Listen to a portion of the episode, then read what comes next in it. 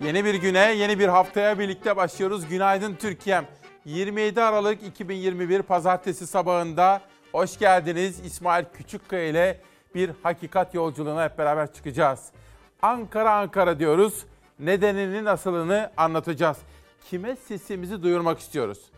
Bugün piyasalara bakacağız. Dolar böyle fırladı, sonra düştü. Ne oldu, nasıl oldu? Geçtiğimiz hafta bakanın söylediği gibi çarpılan kim oldu?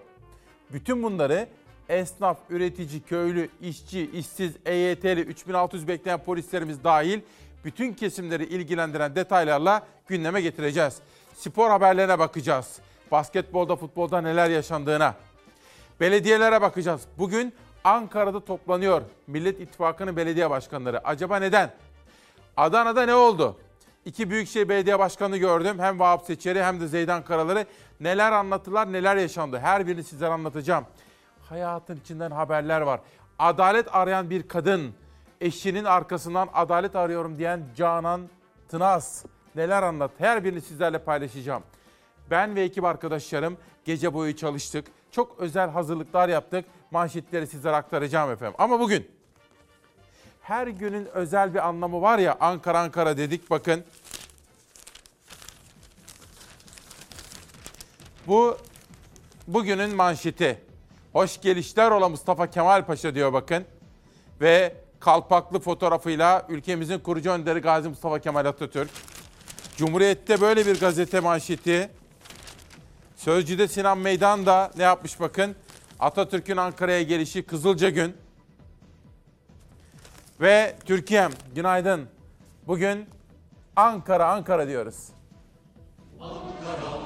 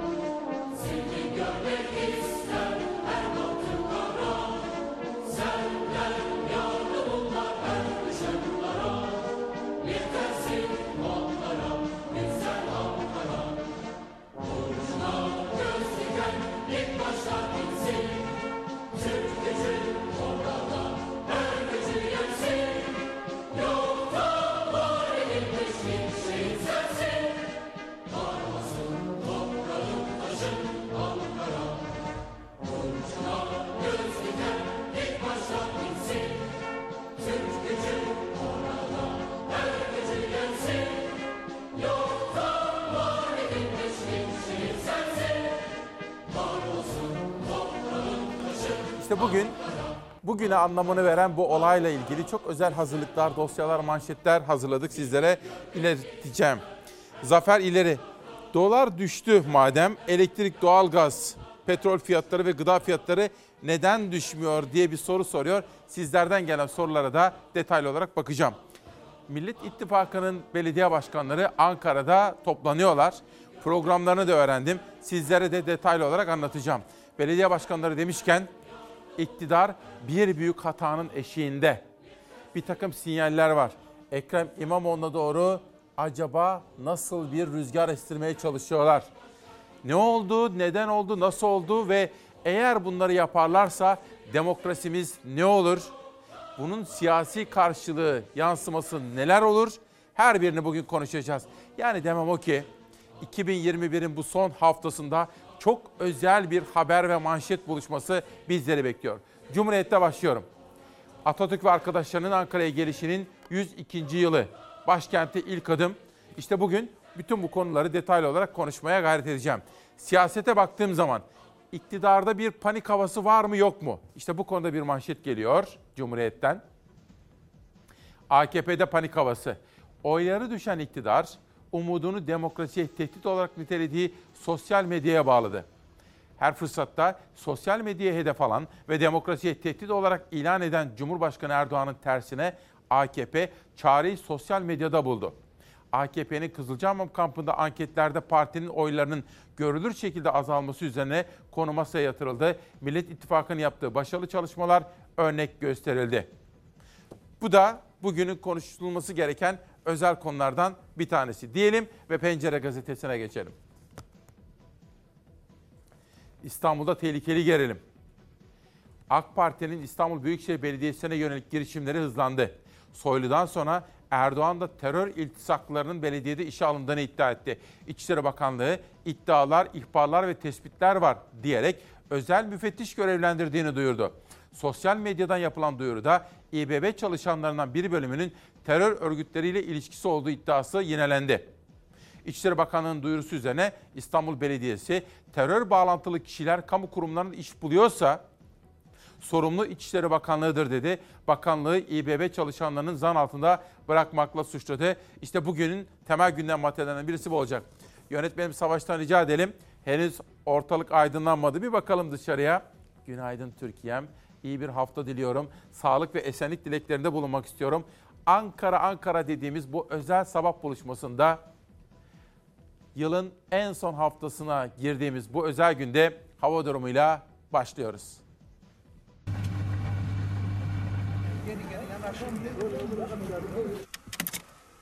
Yurdun dört bir yanından izleyeni üşüten görüntüler geldi. Doğuda tipi nedeniyle 3 metrenin üzerine çıkan kar yığınları oluştu. Dondurucu soğukların etkisi sadece doğuda değil iç kesimlerde de bütün su birikintilerini dondurdu.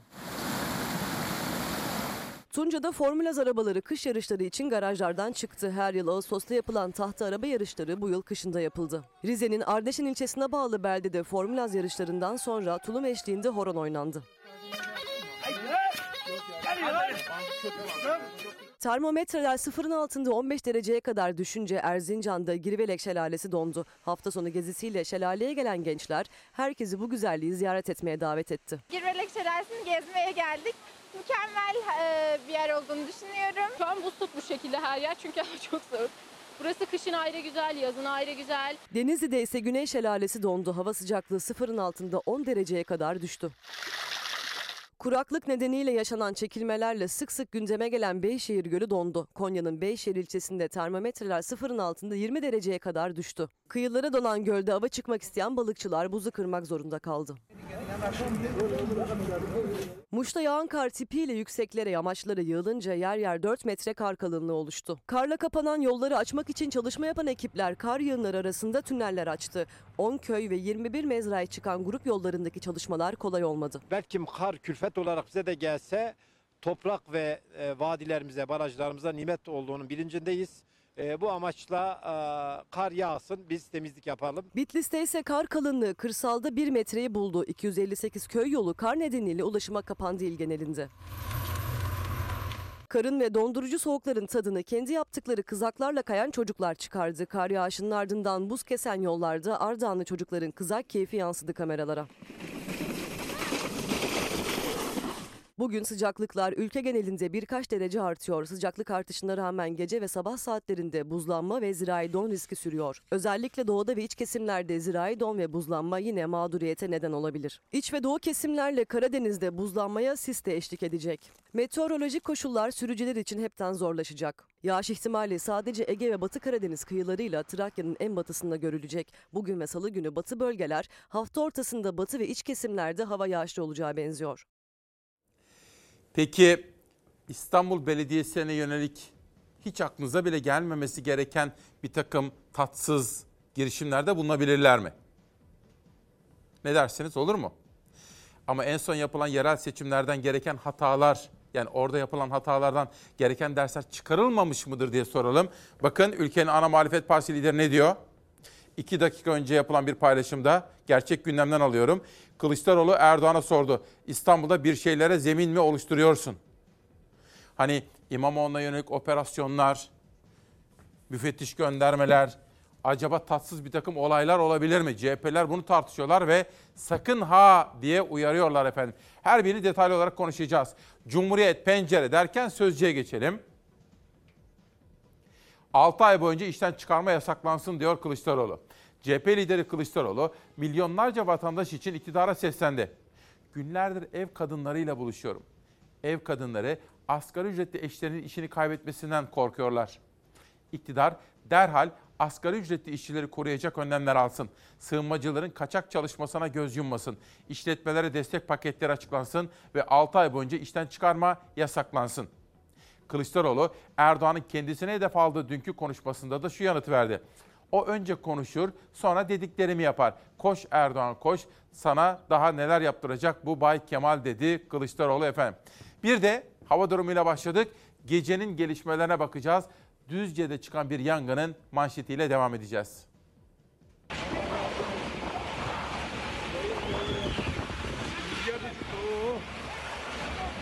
Ahşap ve tekstil ürünleri alev aldı, fabrika tamamen yandı. Düzce'deki yangında 20 işçi dumandan etkilendi. İki kişinin hastaneye kaldırıldığı yangında can kaybı yaşanmadı.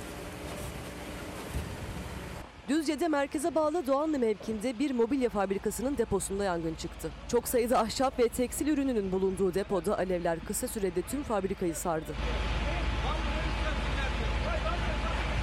Yangına ilk müdahaleyi yapan o sırada çalışan işçiler oldu. 20 işçi söndürme çalışmaları sırasında dumandan etkilendi. Geniş bir alanı kaplayan fabrikada rüzgarın etkisiyle alevler hızla yayıldı. Bölgeye Düzce, Bolu, Sakarya ve Kocaeli'ye bağlı itfaiye ekipleri sevk edildi. Dört koldan müdahale edilen yangın 3 saatlik mücadelenin ardından kontrol altına alındı. Dumandan etkilenen işçiler yangın bölgesinde sağlık kontrolünden geçirildi. İki işçi hastaneye kaldırıldı. Hastaneye kaldırılan işçilerin sağlık durumunun iyi olduğu açıklanırken yangında can kaybı yaşanmaması teselli oldu. Birisi var yukarıda. Çocuklu bir aile var. Uludağ'da da bir otelin sauna bölümünde yangın çıktı. Korku dolu anlar yaşandı. Duman altında kalan otelin misafirleri kendini dışarı atarken 5 kişi otelde mahsur kaldı. Bugün de böyle talihsiz bir olay yaşandı. Ya biz otel odasındaydık. Ee, baktık dumanlar çıktı. İtfaiye ekiplerinin hızlı müdahalesiyle yangın kısa sürede kontrol altına alındı. Mahsur kalan 5 kişinin kurtarıldığı yangında kimse yaralanmadı. Türkiye'nin işçileri, emeklileri, işsizleri uyanmışlar efendim. Türkiye'nin beyaz Türkleri de uyanmış. Beyaz Türklerden günaydın mesajları geliyor. Günaydın Türkiye'nin işçileri, Türkiye'nin beyaz Türkleri. Hepinize günaydın diyorum. Necat Sezengöz, günaydın değerli kardeşim. Benim Cumhurbaşkanı söylediklerinden anladığım çok sert bir seçim dönemi geliyor. Bir takım olaylar, kampanyalar, bazı kelimeleri değiştirmek zorundayım. Necat Bey kusuruma bakmayın. Canlı yayındayım. Ama ne söylemek istediğinizi ben anladım. Eminim halkımız da anlamıştır. Çok sert bir seçim dönemi bizi bekliyor diyor Necat Bey bana gönderdi mesajlar. Sözcüye döneceğim. Çünkü orada asgari geçim indirimi konusunda bir haber var. İlerleyen dakikalarda bu konuda hazırladığımız haberi sunarken Sözcü'nün o manşetini sizlere okuyacağım efendim. Şimdi Hürriyet'ten Cumhurbaşkanı Erdoğan'a bakalım. Faiz çarkını bozacağız diyor. Cumhurbaşkanı Erdoğan faiz zengini daha zengin, fakiri daha fakir yapar. Biz bu çarkı bozacak ve milletimizi asli noktadaki hedeflerine ulaştıracağız dedi. Her alanda ülkemize kazandırdığımız eser ve hizmetleri bıkmadan, usanmadan anlatmayı sürdürmeliyiz. Yeni ekonomi programımızı bu güçlü altyapının üzerinde inşa ettiğimizi vurgulamalıyız kadınlara şiddet, hayvanların korunması gibi konularda da ayrıca özel çalışmalar yürütüyoruz. 39 belediyemize sesleniyorum. Hayvan barınaklarını ihmal etmeyiniz diyor. Adalet Kalkınma Partisi lideri Erdoğan'ın sözleri birinci sayfada manşette. Hürriyetten hemen sonra bir güne geçiyorum. Orada da Erdoğan var. Bakalım nasıl? Erdoğan'ın Rabia'sına yoksulluk eki. Tek daire, tek fatura, tek tencere. Yoksulluk sarmalı büyürken iktidar hala algı peşinde. Fatura ödeyemeyen aileler ise çözümü evleri birleştirmekte buldu. Milyonlarca yurttaş yüksek enflasyonun altında eziliyor. Yoksul ve zengin arasındaki uçurum derinleşirken iktidar algı peşinde. Veriler ise vahim tabloyu açığa çıkarıyor. İstanbul Planlama Ajansı'na göre mega kentte tam 300 bin haneye et girmiyor. İstanbul Belediyesi ne yardım talebinde bulunan hane sayısı 600 bin. Üst üste gelen zamlar yurttaşları tek bir evde birkaç aile yaşamaya itiyor. İPA koordinatörü bulduk. Geniş aile biçiminde yaşamanın aileler için bir geçim stratejisine dönüştüğünü söyledi. Aileler birleşip bu pandemi sürecini atlatmaya çalıştılar. Haneler giderek kalabalıklaştı diyor. İşte faturaları düşürmenin, paylaşmanın, geçim zorluğu karşısında dayanışmanın önemine işaret eden çarpıcı ve bir o kadar da düşündürücü bir manşet. Günaydın. Yılın en son haftasında, haftanın ilk iş gününde İsmail Küçükkaya Demokrasi Meydanı'nda siz Çalar Saat ailesine ilk selamımızı önce hastalarımıza geçmişler olsun derken hepinize de sağlık olsun dileklerimle iletmek isterim. Ya bizdeki ilk ilanında 6 vaka yoktu. En aşağı o e, ilanın söylenildiği bundan iki hafta önceki dönemde yüzde ondu. Şimdi yüzde on olan ülkelerde iki haftada yüzde yetmiş seksene çıktığı için ve mecburen bir deklarasyon yaptıkları için artık halının altına süpürülemez noktadadır. Yüzde yetmiş seksenden aşağı değildir. Önümüzdeki iki hafta içinde de ayyuka çıkacaktır. Sağlık Bakanı Fahrettin Koca yeni vakaların %10'undan fazlasının omikron kaynaklı olduğunu açıklasa da bakanlık tarafından Dünya Sağlık Örgütü'ne bildirilen oran %42. Türkiye İngiltere'nin ardından ikinci sırada uzmanlara göre bakanlığın kendi verileriyle çeliştiği omikron varyantında vaka sayısı son iki haftada katlandı. Bir kere bu çok bulaşıcı. Yani e, yapışması ve solunum yolunda e, çoğalması 70 kat fazla deltadan çoğalma hızı. Korkulan durum şu, üst üste Dünya Sağlık Örgütü, Birleşmiş Milletler çağrılar yapıyorlar. Bu çok yayılıcı bir virüs. Sağlık sistemlerini çok tıkayacak. Hayatı kapamasak bile tıka- tıkayacak. Çünkü bakın bugün Amerika'daki iki tane hava yolları uçuşlarını iptal ettiğini ilan etti. Hem de tam Christmas sırasında. Bütün mürettebatında omikron tespit edildi. Sadece Türkiye'yi değil dünyayı kasıp kavuruyor omikron varyantı. Türkiye'de son 24 saatte hayatını kaybeden kişi sayısı 173. Açıklanan yeni vaka sayısı ise 20 binin üstünde. Uzmanlara göre yeni yıl etkinlikleri kapalı alanda buluşmalarla birlikte vaka sayıları önümüzdeki hafta daha da artacak. Yılbaşı dönüşü özellikle çok olma ihtimali var. Yılbaşında da çünkü çok sayıda bir araya gelme olacak. Ben bir hekim olarak gönderdiğim PCR testlerinin hiçbirinden bir net sonuç bana gelmiyor. Sadece pozitif negatif diyor. Belli ki günlük hayatımızda tanımlamamayı seçiyoruz. Enfeksiyon hastalıkları uzmanı Esin Davutoğlu Şenol'a göre Türkiye'de varyant analizinin kısıtlı yapılması gerçek verilerin ortaya konmasını güçleştiriyor. Hastalığa karşı aşılamada ise aşı takvimine uymak ve dozları atlamamak şart. Çünkü yeni varyantın aşılara karşı ne derece koruma sağlayıp sağlamadığını zaman gösterecek. Üçüncü doz e, çok kısa sürede de bağışıklığı takviye ediyor. 2 ila 7 gün içinde antikorlarınız tekrar üst perdelere Hı hı. çıkıyor. Üst perdelere çıkınca omikronu karşılamanız da e, daha makul oluyor. Yeni varyantla ilgili dünya genelinde araştırmalar sürüyor. Elde edilen ilk verilere göre hastalığın taşıyıcı olanlarda nasıl seyrettiği de yavaş yavaş ortaya çıkıyor. Bağışıklık cevabı, geçirilmiş enfeksiyon ya da aşı cevabı, hatta aşı iki doz bile olsa sadece üst solunum yolunda ve bronşlarda tutuyor gibi Hı hı. bir algımız var. Yani bu varyantın yapışması ve çoğalması hızlı ama ayrılıp dağılması çok hızlı değil. Yani akciğeri çok hızlı hasarlandırmayacak Hı. gibi görünüyor. Ama gibi lafının altını çiziyorum. Çünkü saha verisine ihtiyacım var benim. Emekli öğretmen Kazım Çelikkaya ki 80'lerinde evladım diyor demokrasiye sıkı sıkı sarılsınlar, ayrıştırma yapmasınlar. Özgürlükler diyor emekli öğretmen Kazım hocamız sağ olsun. Bir de Alp Bey ne diyor bakın. Hani bir takım sorular var ya Necat Bey de soruyordu. Acaba iktidarın İstanbul Belediyesi'ne yönelik yeni bir girişimi mi söz konusu? Alp Kahraman İzmir'den. İstanbul Belediyesi'ne kayyum atamak için mi böyle bir faaliyet yapılıyor? Bıktık bu kumpaslardan diyor bakın. Ne dersiniz? Böyle bir çılgınlık söz konusu olabilir mi? Bence olamaz çünkü bir kere denediler 31 Mart seçimleri. Şöyle düşünün Türkiye'm eğer iktidar ilk seçimin sonucunu kabullenseydi bugün Türkiye'deki siyasal kompozisyon, siyasal görüntü nasıl olurdu? Tamam İmamoğlu 13 bin, 15 bin, 20 bin oyla kazandı. Teşekkür ediyoruz, tebrik ediyoruz. Buyursun deselerdi. Tekrar seçimi zorlamasalardı. Bugün içinde bulunduğumuz politik iklim tamamen değişirdi. Bülent Arınç'ın Manisa'daki bir konuşmasında yaptığı tespitler doğruydu. İktidar kendi elleriyle hem mağdur yaratıyor sonra o mağdurlardan kahramanlar oluşturuyor efendim. Bunu ben söylemiyorum. Ben de katılıyorum ama bunu Bülent Arınç söylüyor. Partisini iyi niyetli bir şekilde uyarıyor. Yeniden böyle yollara tevessül edebilir mi iktidar panik dalgası içinde? Yaparsa ne olur? Kendileri için de ne olur? Düşünelim. Bir günden Türk güne geçelim.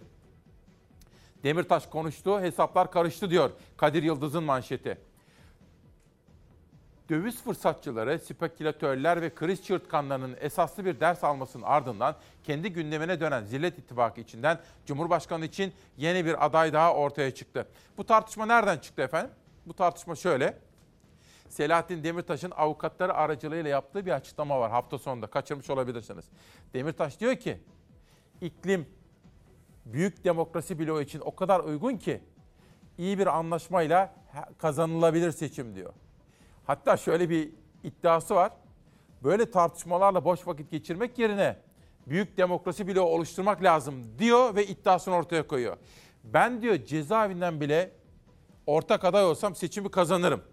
Bırakın boş işlerle tartışmayı diyor efendim. İşte bütün bu tartışmalardan sonra Türk Gün Gazetesi de böyle bir manşet atmış. Hesaplar karıştı diyerek.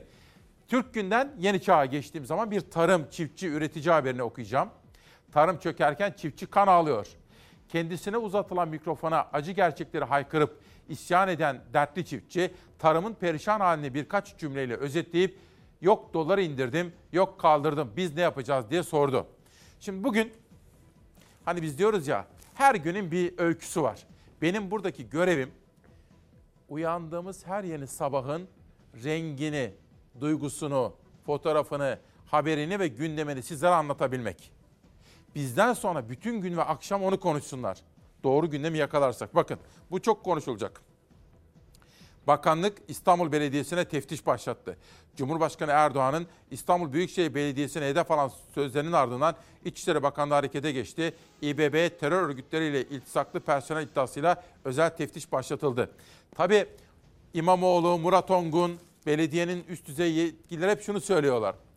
Arkadaşlar diyorlar, bir kamu kurumuna eleman alınırken, belediyeye mesela personel alınırken devletin kurumlarından temiz kağıdı isteniyor. Bundan haberiniz var mı?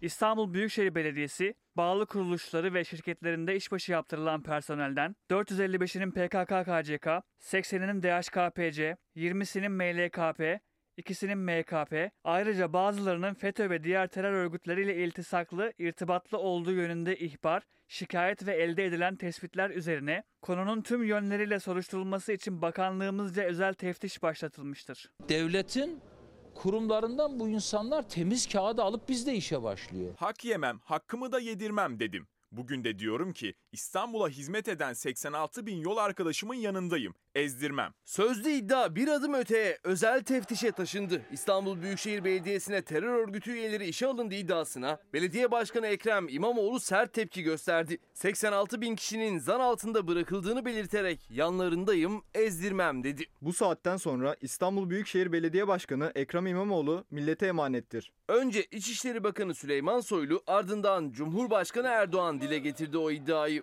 455 tanesinin PKK ve KCK kaydı var. 80'inin DHKPC kaydı var. 20'sinin MLKP kaydı var. İkisinin MKP kaydı var. Bir hesaba göre 13.500 bir hesaba göre 15.000 kişiyi işten çıkartıp yerine aralarında terör örgütüyle iltisaklı kişilerin de bulunduğu 45 bin kişiyi işe aldı. O iddiaya İstanbul Büyükşehir Belediye Başkanı Ekrem İmamoğlu işe başlayan herkesin adli sicil kaydını alıp öyle işe başladığını hatırlatarak yanıt verdi. Sayın İçişleri Bakanı'na e, yazı yazdım. Kimdir? Kimlerdir? Bize yaz gönder biz de bilelim. Sözlü polemik akşam saatlerinde özel teftişe evrildi. İçişleri Bakanlığı 500'den fazla İBB çalışanı hakkında terör örgütleriyle iltisaklı, irtibatlı olduğu yönünde ihbar, şikayet ve elde edilen tespitler diyerek teftişin başlatıldığını duyurdu. İstanbul Büyükşehir Belediyesi'nden jet hızıyla yanıt geldi. Resmi yazıya yanıt verilmediğini hatırlatarak 86 bin çalışanın zan altında bırakıldığını vurgulayarak. Suçu olanla sonuna kadar birlikte mücadele edelim. Ama şu bilinsin ki İstanbul Büyükşehir Belediyesi ailesine saldıranlar karşısında beklenmedik bir birliktelik ve güç görecek. CHP lideri Kemal Kılıçdaroğlu da yaşanan gelişme üzerine sosyal medya üzerinden tepki gösterdi. Hedefinde Erdoğan vardı. Saraydaki şahıs bu aralar yine bir haller oldu sana. İstanbul'da bir şeylere zemin mi oluşturuyorsun? 5 kişilik Amigo takımına güvenme. Bu milletin canını yakacak kadar cesareti olanın sonuçlarına katlanacak kadar da gücü olmalı. Sen seçimden kaçan birisin. Fazla heyecanlanma. Şimdi efendim bu konu bugünün Yani 27 Aralık'ın en önemli konularından biri ki gün içinde ve akşamları bütün hafta çok konuşulacak tahmin ediyorum. Ve bugün Ankara'da Mansur Yavaş'ın davetlisi olarak bütün Büyükşehir Belediye Başkanları var. Bu Millet İttifakı tarafından seçilen. Onlar işte Anıtkabir'e gidecekler, bir takım ziyaretlerde bulunacaklar. Oradan haberler gelecek, takip ediyoruz. Temel gündem bu. Bugün bunu konuşacağız. Bir de bugün atamızın, Gazi Paşa'mızın, Atatürk'ümüzün Ankara'ya geliş yıl dönümü. Bakın Tezcan Karakuşcan'dan da tabii ki kaçırmaz bir Atatürk kadını. Atatürk'ün Ankara'ya gelişinin 102. yılını Ankara'da yıkılan ve kaybolan bellek mekanlarımızı Atatürk'ün Ankara'sının mekansal izlerini Mimar Ressam Kemal Mükrem'in barut sergisiyle karşılıyoruz. Yıkılan her yapıyı yeniden inşa etme kararlılığıyla biriciksin Ankara, Ankara Ankara demiş. Tezcan Hanım'a da duyarlılığı için teşekkürler ediyoruz efendim. Türk gün bir gün yeni çağ derken sıra geldi yeni şafağa mahremlere finansal darbe. Bu da Abdullah Sarıcan'ın haberi. Resmi gazetede geçen hafta yayınlanan kararla mal varlığı dondurulan 454 FETÖ'cünün büyük bölümünün yurt dışına kaçan mahrem imamlar olduğu ortaya çıktı. MİT, TSK, Emniyet, Yargı ve Mülkiye'ye sızan örgüt üyelerinden sorumlu olan bu mahremler örgüt hiyerarşisinde de üst sıralarda yer alıyor diyor. Şimdi bugün 27 Aralık hafta sonunda kaçırdıysanız çok çarpıcı bir tartışma daha var. Ekonomi konusunda. Savaş gel bakalım bir tweet. Şimdi efendim bu tabi muhalefet burada sert eleştiri yöneltiyor. Bu eleştirilerde de haklılar. Şöyle. Önce Cumhurbaşkanı Erdoğan'ın sözleri. Benim Türk liram varken ne işim var senin halen yok dolardı yok avroydu. Türk lirası Türk lirası alışacaksınız buna.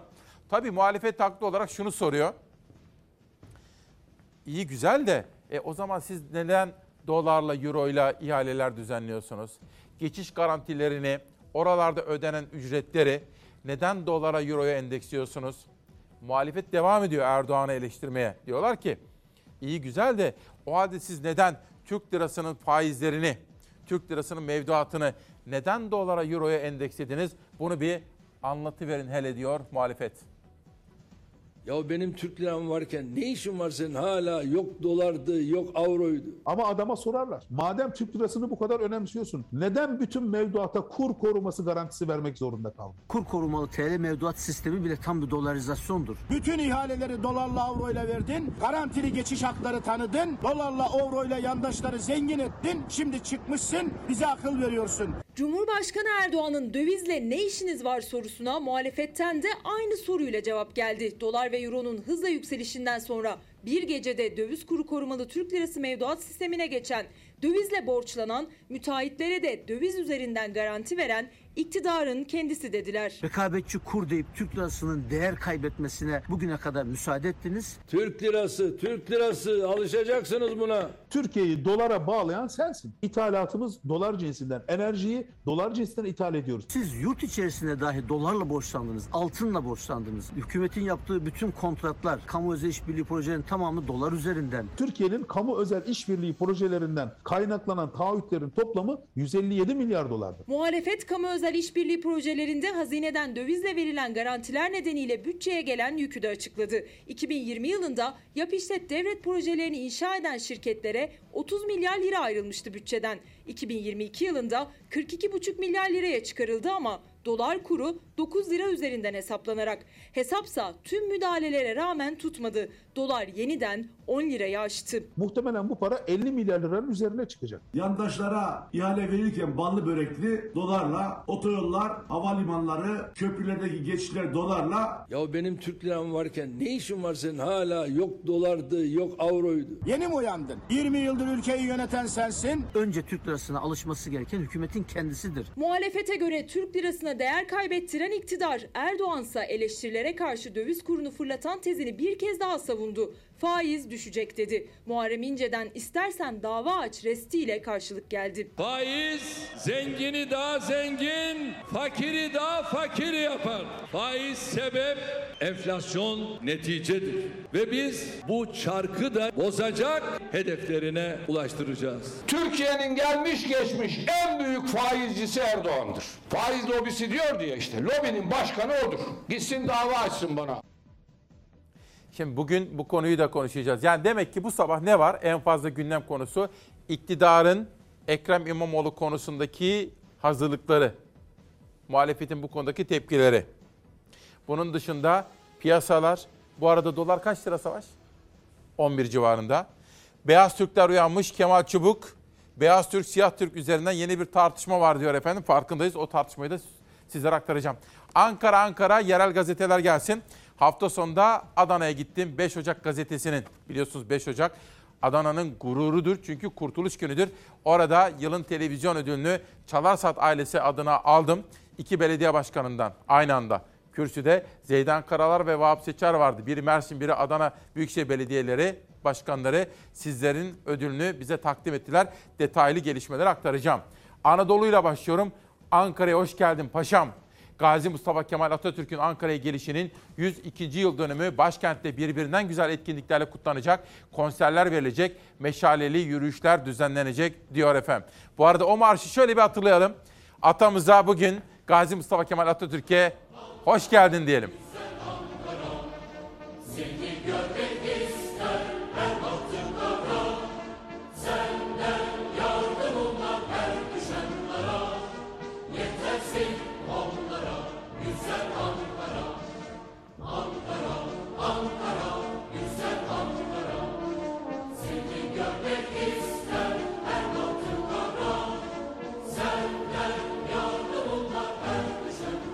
Mansur Yavaş hangi hazırlıkları yaptı? Bütün detayları aldım.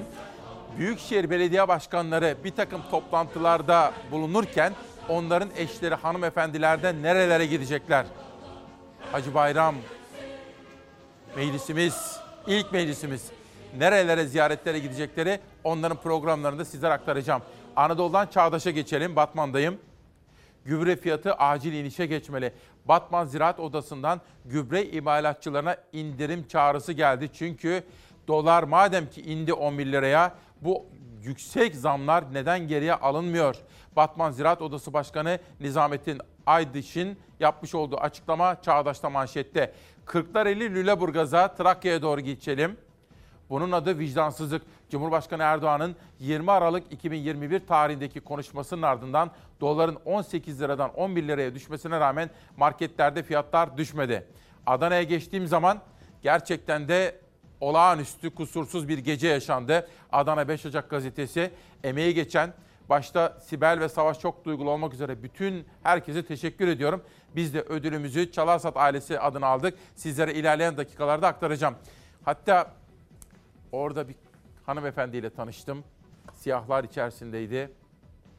Matem'deydi. Faruk Tınaz'ın eşi Canan Hanım. Cuma günü bahsetmiştim size. Böyle ellerimi de tuttu adalet arayacağım dedi. Dinledim kendisini. Bugün onun adalet arayışına eşinin nasıl ihmalle öldüğünün peşini bırakmayacak. Dolayısıyla ondan da bir takım haberler sizlere aktaracağım. Her kim ki adalet arıyorum diyor, biz onun yanındayız. Hani adalet arayışımız için görgü tanığı ve e, herhangi bir kamera görüntüsüne ihtiyacım var. E, bunun için yardım talep ediyorum. Babasını kaybettiği o kara günden geriye sadece bu fotoğraf ve hurdaya dönmüş araç kaldı. İddiaya göre otoyolda sinyal vermeden şerit değiştiren kamyon yardımcı ailesinin içinde bulunduğu otomobille çarpıştı.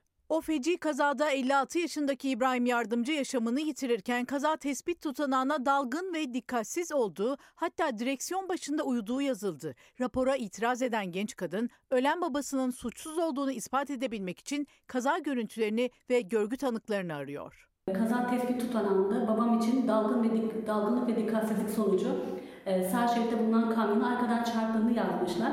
E, ama e, olay e, orta şeritte gerçekleşti. Sağ şeritte bulunan kamyon e, sinyal vermeden e, ve aniden önümüze kırdı. 26 Kasım'dı. Öğleden sonra saat 15 sularında oğlunun yemin töreni için gittiği Ankara'dan İstanbul'a dönüyordu. Akıncılar gişesini geçtikten bir süre sonra kaza yaptı İbrahim Yardımcı. İki kızı da araçtaydı. İddiaya göre sinyal vermeden şerit değiştiren kamyon baba ve kızlarının hayatını alt üst etti. Kazada baba İbrahim Yardımcı hayatını kaybederken iki kızı da yaralandı. 112 arayıp destek istedim. Çevredekilerden de yardım istedim. Ee, babam hastaneye kaldırdıktan sonra e, maalesef hayatını kaybetti. Aileyi en çok yaralayansa kaza tespit tutanağındaki ifadeler oldu. Tutanağa göre sürücü koltuğundaki baba İbrahim Yardımcı dalgın ve dikkatsizdi. Takip mesafesini de gözetemeyecek durumdaydı. Üstelik bu ifadeyi kazazedelerin verdiğini de yazıyordu tutanakta. Kamyon sürücüsü Halil Yeğen'in ise kural ihlali yoktu. Rapora itiraz eden Aynur Yardımcı, babasının suçsuz olduğunu kanıtlamak ve kazayı aydınlatabilmek için görgü tanığı ve güvenlik kamerası görüntülerini arıyor. Görgü tanığı ve e, herhangi bir kamera görüntüsüne ihtiyacım var. Şimdi efendim Faruk Tınaz'ın eşinin anlattıkları ve evraklara baktığım zaman hayat dersi dolu bakın hepimize.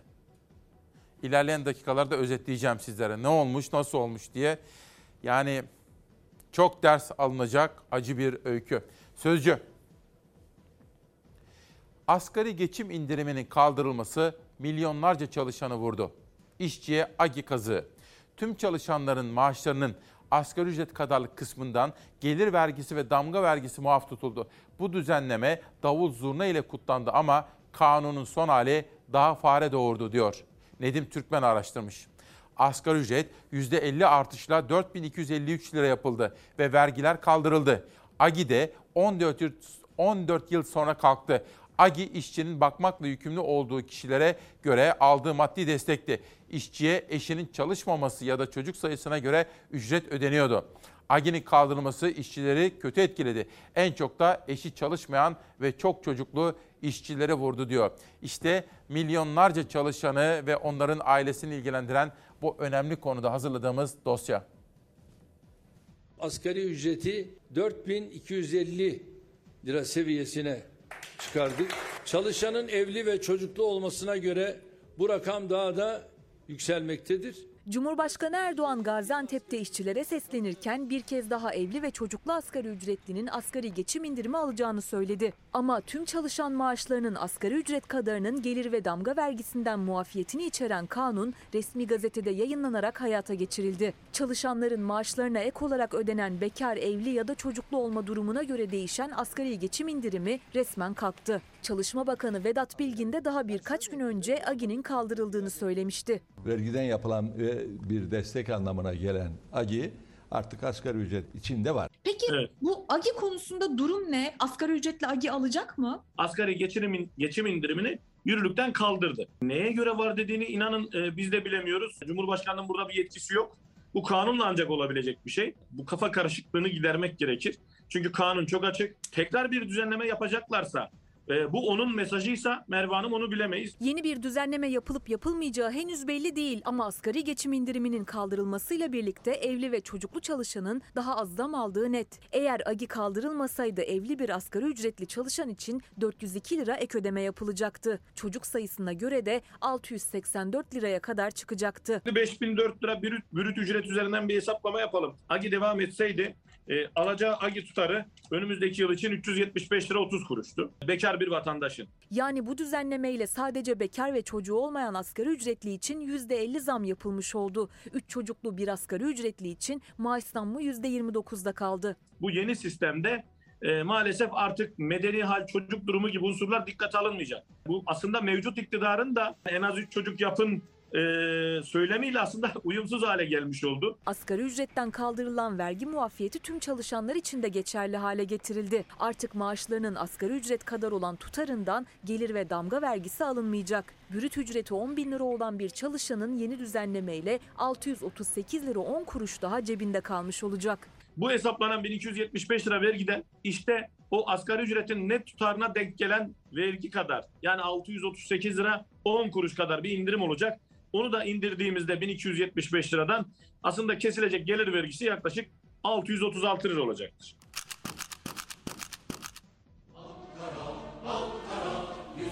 Bugünkü manşetimiz Ankara Ankara. Hastalarımıza şifa dileklerinde bulunduk. Yurt dışında yaşayıp da Türkiye hasreti çekenlere de bir selam gönderelim. Yurt dışında başta Almanya olmak üzere gurbetçilerimize, dünyanın dört bir tarafına, oradaki büyükelçiliklerimize, konsolosluklarımıza bir selam da Türkiye Cumhuriyeti'ndeki cezaevlerinde özgür günlerde aileleriyle buluşmayı düşleyenlere, kader mahkumlarına geçmişler olsun, Allah kavuştursun diyelim ve bugünün manşetini atalım. Ankara Ankara dedik. Bugün 27 Aralık Gazi Mustafa Kemal Atatürk'ün Ankara'ya gelişinin yıl dönümü. Bugün nasıl kutlamalar yapılacak, hangi programlar var her birini sizlere detaylı olarak aktaracağım. Orkun Özgül, genç meslektaşım, şahane bir gazete çizdi bizler için. Sağ olsun, var olsun. Bu arada Ankara Sanayi Odası da bu konuda duyarlılığını her zamanki gibi gösterdi. Aktaracağım onu sizlere şimdi. Reklamlardan hemen sonra en önemli gündem maddemiz ekonomi ise hemen o kadar önemli İstanbul Belediyesi'ne yönelik bir şeyler mi planlanıyor? CHP liderinin söylediği gibi. Sakın ha diyor Kılıçdaroğlu. Ve Murat Ongun İmamoğlu'nun en yakın çalışma arkadaşlarından bu saatten sonra Ekrem İmamoğlu millete emanettir dedi. Her biriyle ilgili detaylı çalışmalarım hazırlanıyor. Sizlere reklamlardan sonra anlatacağım. Gönül öyküsü bu. Bu kitap hikayesini sizlere bunu da aktaracağım ilerleyen dakikalarda. Tijen Şanlı Aslan'ın Öyküler kitabı. İlginç bir öyküsü var anlatacağım size. Bunu da Murat Keskin göndermiş sağ olsun. Nuri Çalakoğlu imzalı hayallerine sınır koyma diyor. Yusuf Kenan Öztiryaki imzalı bir kitaptır. Çok teşekkür ediyoruz kendilerine. Hayallerine sınır koyma. Yavuz Donat abimiz tabii 27 Aralık olduğu için Ankara'yı yazmış. Atamızın Ankara'ya geldiği gün yaşananları ve bugün yapılacakları yazmış. Spor dünyasında Fenerbahçeliler bir oh çektiler. Bu arada Emre Belezoğlu'nu görüyor musunuz? Trabzon'dan da puan aldı. Ona da yenilmedi ve göreve geldiği günden itibaren aldığı puanlarla aslında lider pozisyonda. Fenerbahçe'de dün bir galibiyet aldı. Basketbola baktığım zaman bütün spor sayfalarında da var. Bahçeşehir Koleji dolu dizgin yılın sürpriz takımı Bahçeşehir Koleji. Ankara Sanayi Odası da 27 Aralık'ın anlamını ve önemini unutmadı.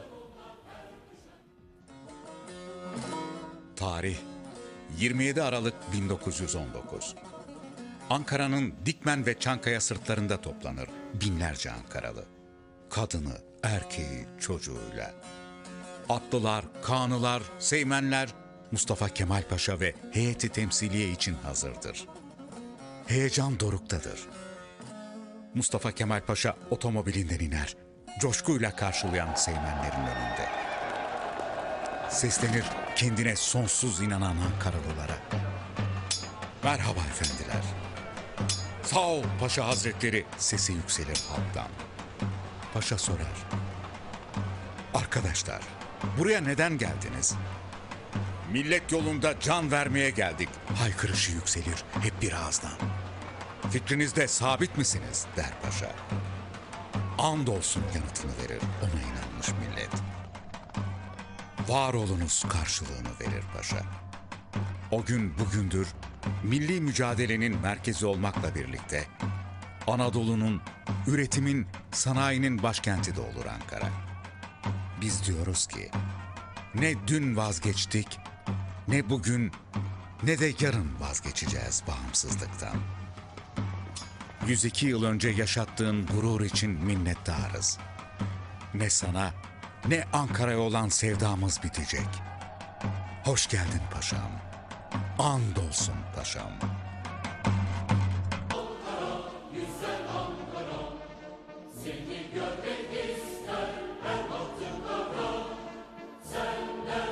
Günaydın Türkiye'm. Reklam arasında mesajını gördüm. Salih Supi Söner Bey babam diyor ki Ankara Ankara duygusunu bize yaşattığın için seninle iftihar ediyorum diyor. Estağfurullah. Sa- yalnızca görevimizi yapıyoruz.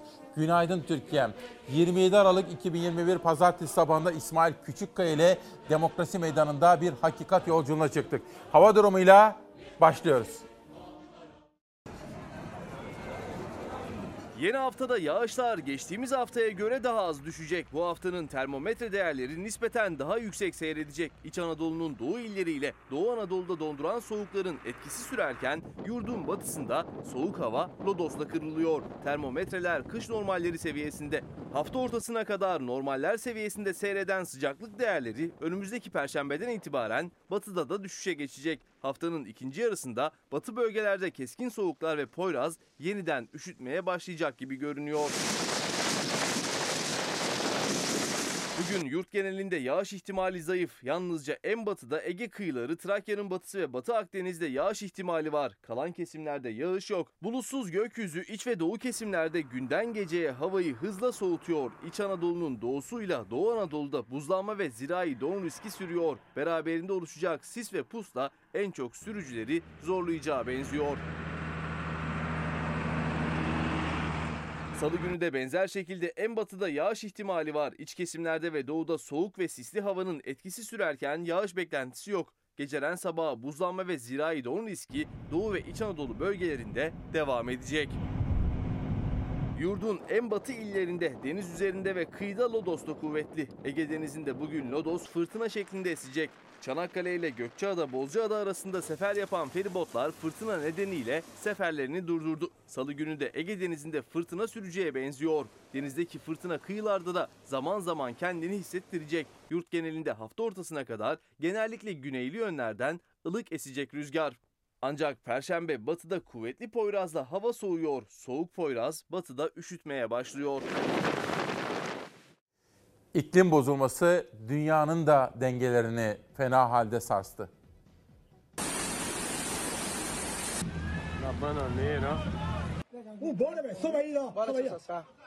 Brezilya'yı sel vurdu. İki barajın çöktüğü Bahia eyaletinde ilk bilgilere göre 18 kişi hayatını kaybetti ancak kaybın çok daha fazla olduğu düşünülüyor.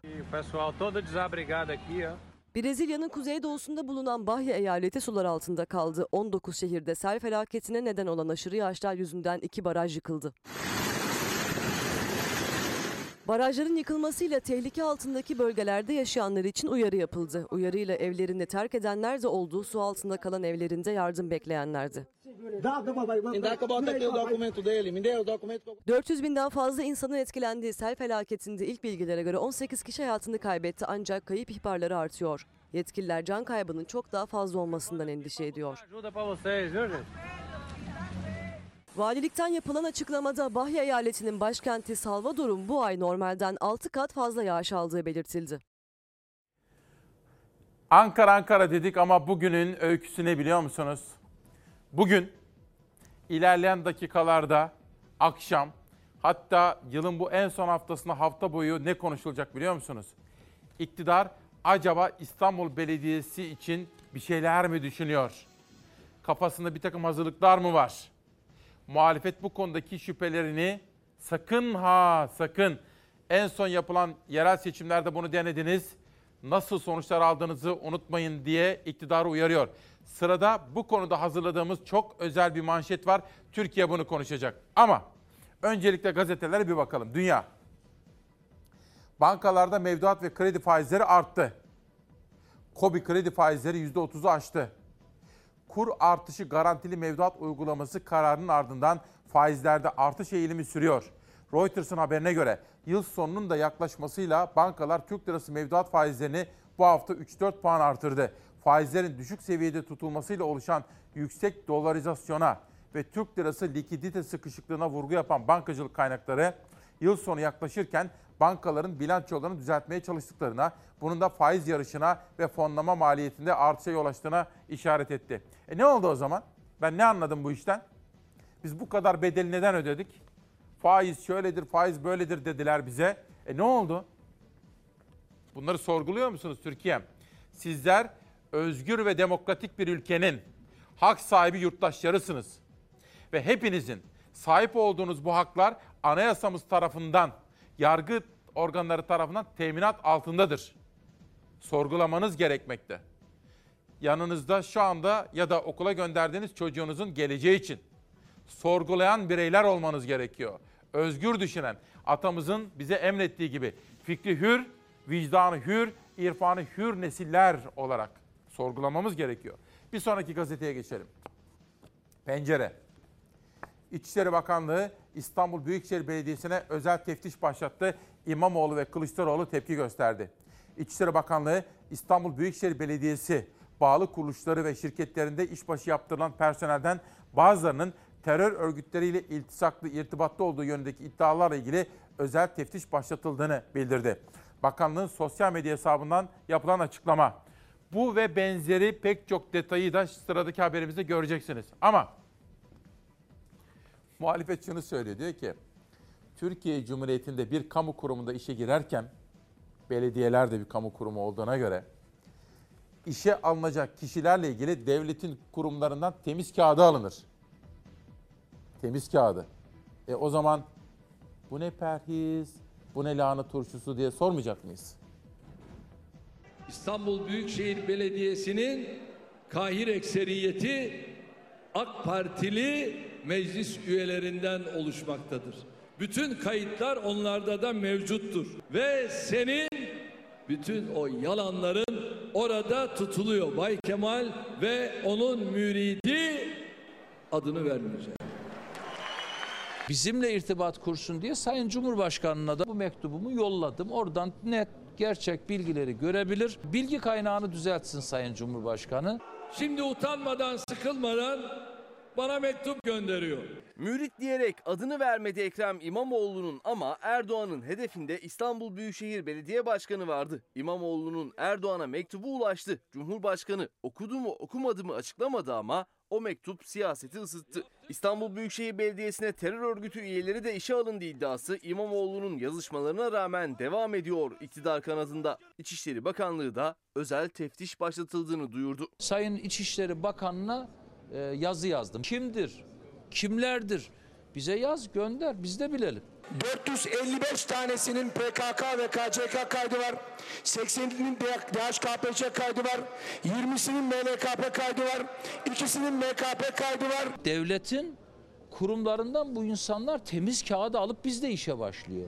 Bir hesaba göre 13.500, bir hesaba göre 15.000 kişiyi işten çıkartıp yerine aralarında terör örgütüyle iltisaklı kişilerin de bulunduğu 45 bin kişiyi işe aldı.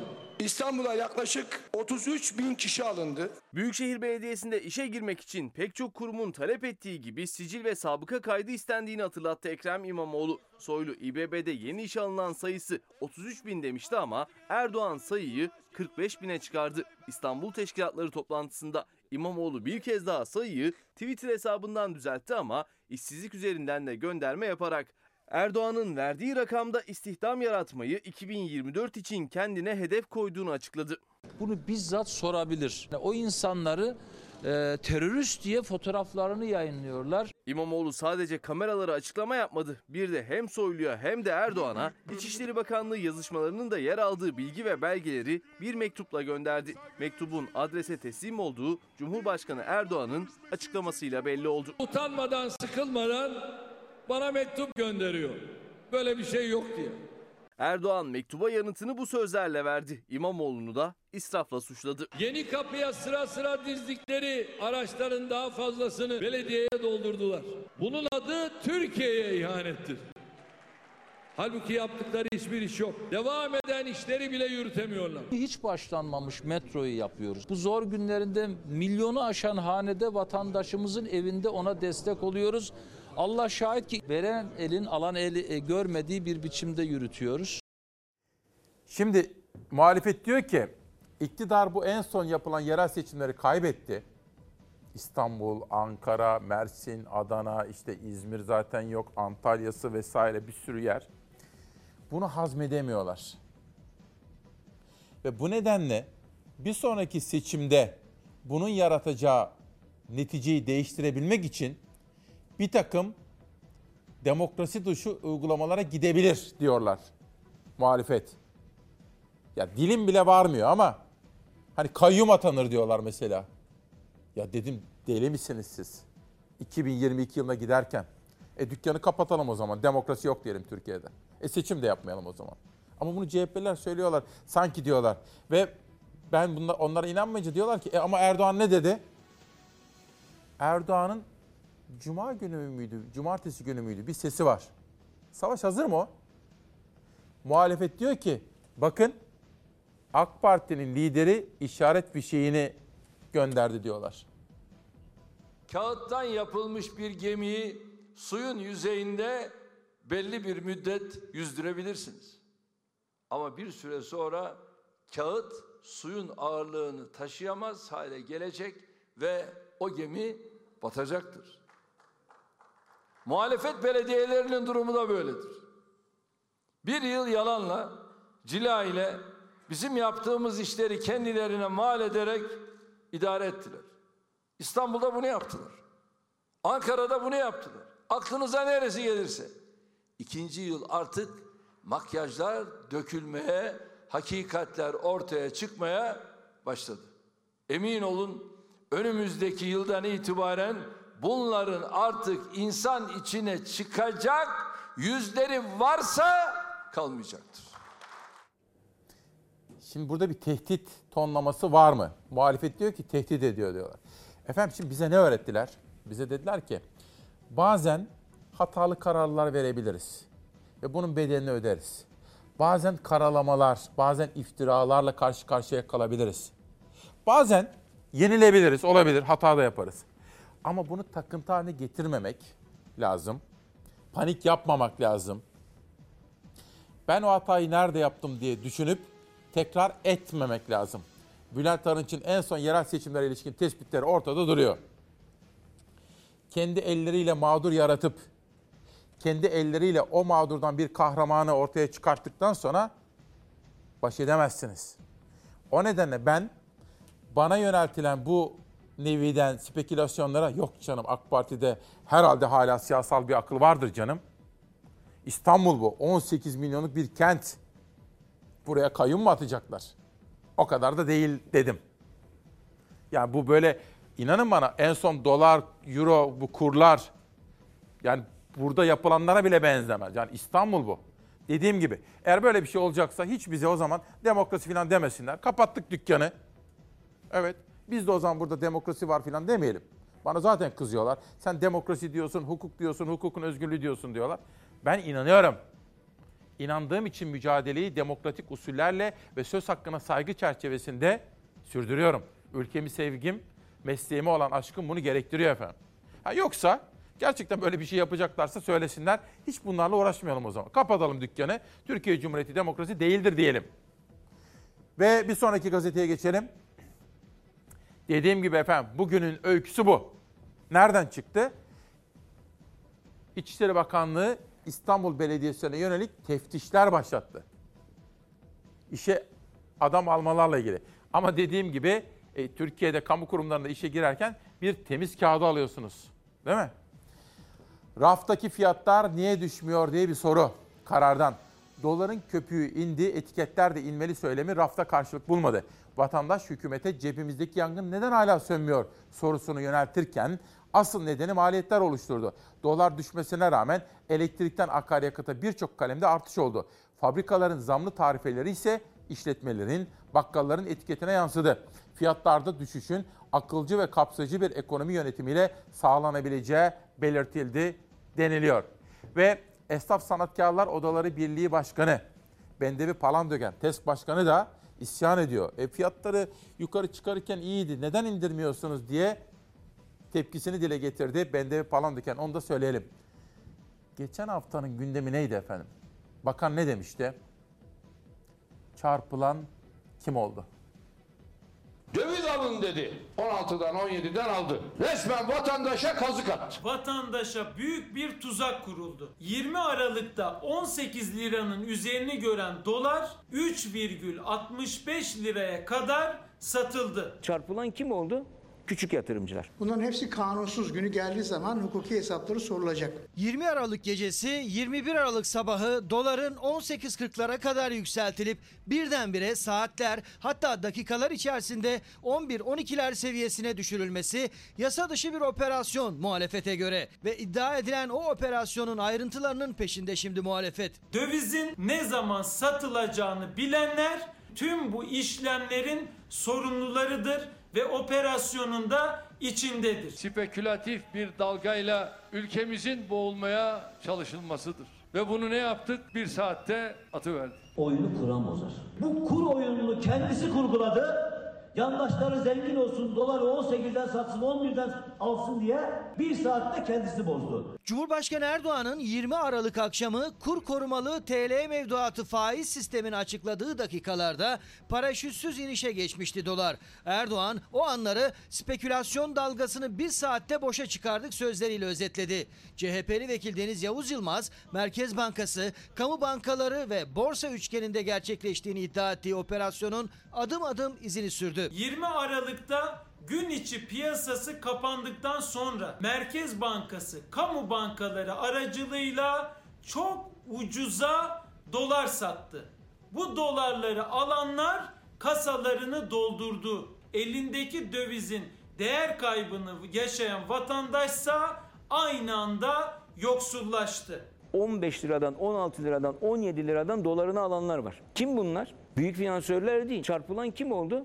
Küçük yatırımcılar. Yavuz Yılmaz'a göre Merkez Bankası 20 Aralık akşamı kamu bankaları aracılığıyla çok düşük kurdan döviz satmaya başladı. Amaç dolar kurunu 10 liranın altına kadar indirmekti. Ama operasyondan haberi olmayan yatırımcılar o düşüş anında 12.50'ler seviyesinden yüklü miktarda dolar alımı yaptı. CHP'li vekil 21 Aralık sabahı da B planı devreye sokuldu. Borsada vadeli işlemler piyasası üzerinden ikinci hamle geldi dedi. Borsa İstanbul açıldıktan 16 dakika sonra bir karar yayınladı. %10 olan maksimum düşüş sınırı %80'e indirildi. Böylelikle 18,22 liradan açılan borsada dolar 3,65 liraya kadar satıldı. Merkez Bankası rezervleri neredeyse bedavaya el değiştirdi. İçinem gözlerime bakar mısınız? Ne görüyorsunuz? O gözde hinlik var, cinlik var. O gözde ihanet var, ihanet. Kurdaki operasyonun nasıl gerçekleştiğine ilişkin eldeki veriler üzerinden şimdi operasyonun içinde kim ya da kimler var sorusuna yanıt aranıyor. Muhalefet o yanıtın peşinde. Bir taraftan ekonomiye bakacağız. Bir taraftan İstanbul Belediyesi kayyum tartışmaları olur mu? Fatma Öktem Çınar. Koskoca belediyelere kayyum atamak öyle kolay mı? Çeyrek asırdır belediyeler sizin elinizdeydi. Ne yaptınız diye soruyor Fatma Öktem Çınar. Tamer de haklı bir eleştiri olabilir. Ne dersiniz? Size soracağım. Diyor ki HDP'nin bütün belediyelerine kayyum atanınca demokrasi tehlike altında diye bir telaşınız yoktu diye soruyor. Sadece bana değil. Bence Türkiye'ye bir yönelik eleştiri bu. Bir başkası KYK'larla ilgili sabahtan beri diyorsunuz ki insanlar adli sicil kaydı aldı diye bir kelime var onu geçelim. Peki KHK'ların da adli sicil kaydı temizdi ama bir gecede hepsi terörist ilan edildi. O zaman neredeydiniz diye soruyor efendim. Şimdi demokrasi, insan hakları, özgürlükler hepimizin meselesi. Türk, Kürt, Alevi, Sünni, Çerkes böyle bir şey yok. Onlar geride kaldı. Hepimizin. Türkiye'de demokrasi problemi varsa hepimiz bundan muzdaribiz. Türkiye'nin demokrasi iyi olursa hepimiz bu cennet yurtta daha güzel yaşarız. Benim bildiğim budur. Cumhuriyet'ten bir manşet. Diyanet'in araba sevdası. Başkan Ali Erbaş, Selefi Mehmet Görmez'e gelen milyonluk araç tepkilerini unutamamış. Erbaş, İBB yönetiminin CHP'ye geçmesiyle birlikte AKP döneminde tahsis edilen 1,5 milyon lira değerindeki Audi marka aracı geri verdi. Eski bakanlardan Yaşar Okuyan'ın bir TV programındaki eleştirilerini yanıtlarken de korkudan araç alamadıklarını söyledi. Diyanet İşleri Başkanlığı görevine geldiğinden beri kuruma yeni araç alınmadığını belirten Ali Erbaş, Cumhurbaşkanı Tayyip Erdoğan'ın önceki başkan Mehmet Görmez'in hizmetine verdiği Mercedes marka makam aracıyla ilgili de açıklamalarda bulundu. Vallahi neden korkuyorlar ben anlamadım. Türkiye'de hemen hemen bütün bakanlıklardan daha fazla personeli, hemen hemen bütün bakanlıklardan çok daha büyük bütçeleri var koca Diyanet'in. Değil mi? Bütün bunlar ortada duran gerçeklikler. Pazara gidelim mi pazara? Hadi pazara gidelim. Bugünlük çok şükür yani millette de yok bizde de Allah'ım. Bizden aşağısına yardım etsin ne yapalım. Amin, amin, amin. 100 lira aldık çayın içini dolduramadık. Vallahi işte meyve alayım sebze alamıyoruz. Sebze alayım meyve teyze. İşte olduk. 3-4 çocuğuna ne yapacaksın? Yani Allah'ın verdiğinde hiç daha şey demezdik. Aynen öyle. Verdik Allah'ın çocuğu ne yapak? Evet rızkıydan bak Allah olanlara Kesesi bereketli olsun. Allah olmayana da versin inşallah. Amin amin. Allah bu milleti yardımcısı olsun. Ne diyelim başka bir şey demiyorum. Hah. Bizi bu hale düşürenler utansın.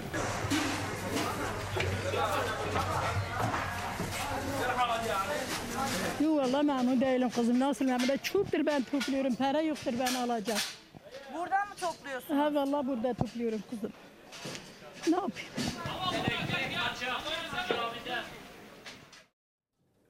Türkiye gerçekleri. Bunları size gösteriyorlar mı başka televizyonlarda? Yüzlerce televizyon kanalında hükümeti destekleyenlerde göstermiyorlar. Bir de efendim sosyal medyada bir teyze dikkatimiz çekti. Soner Yalçın'ın akrabası Che Guevara'nın halası.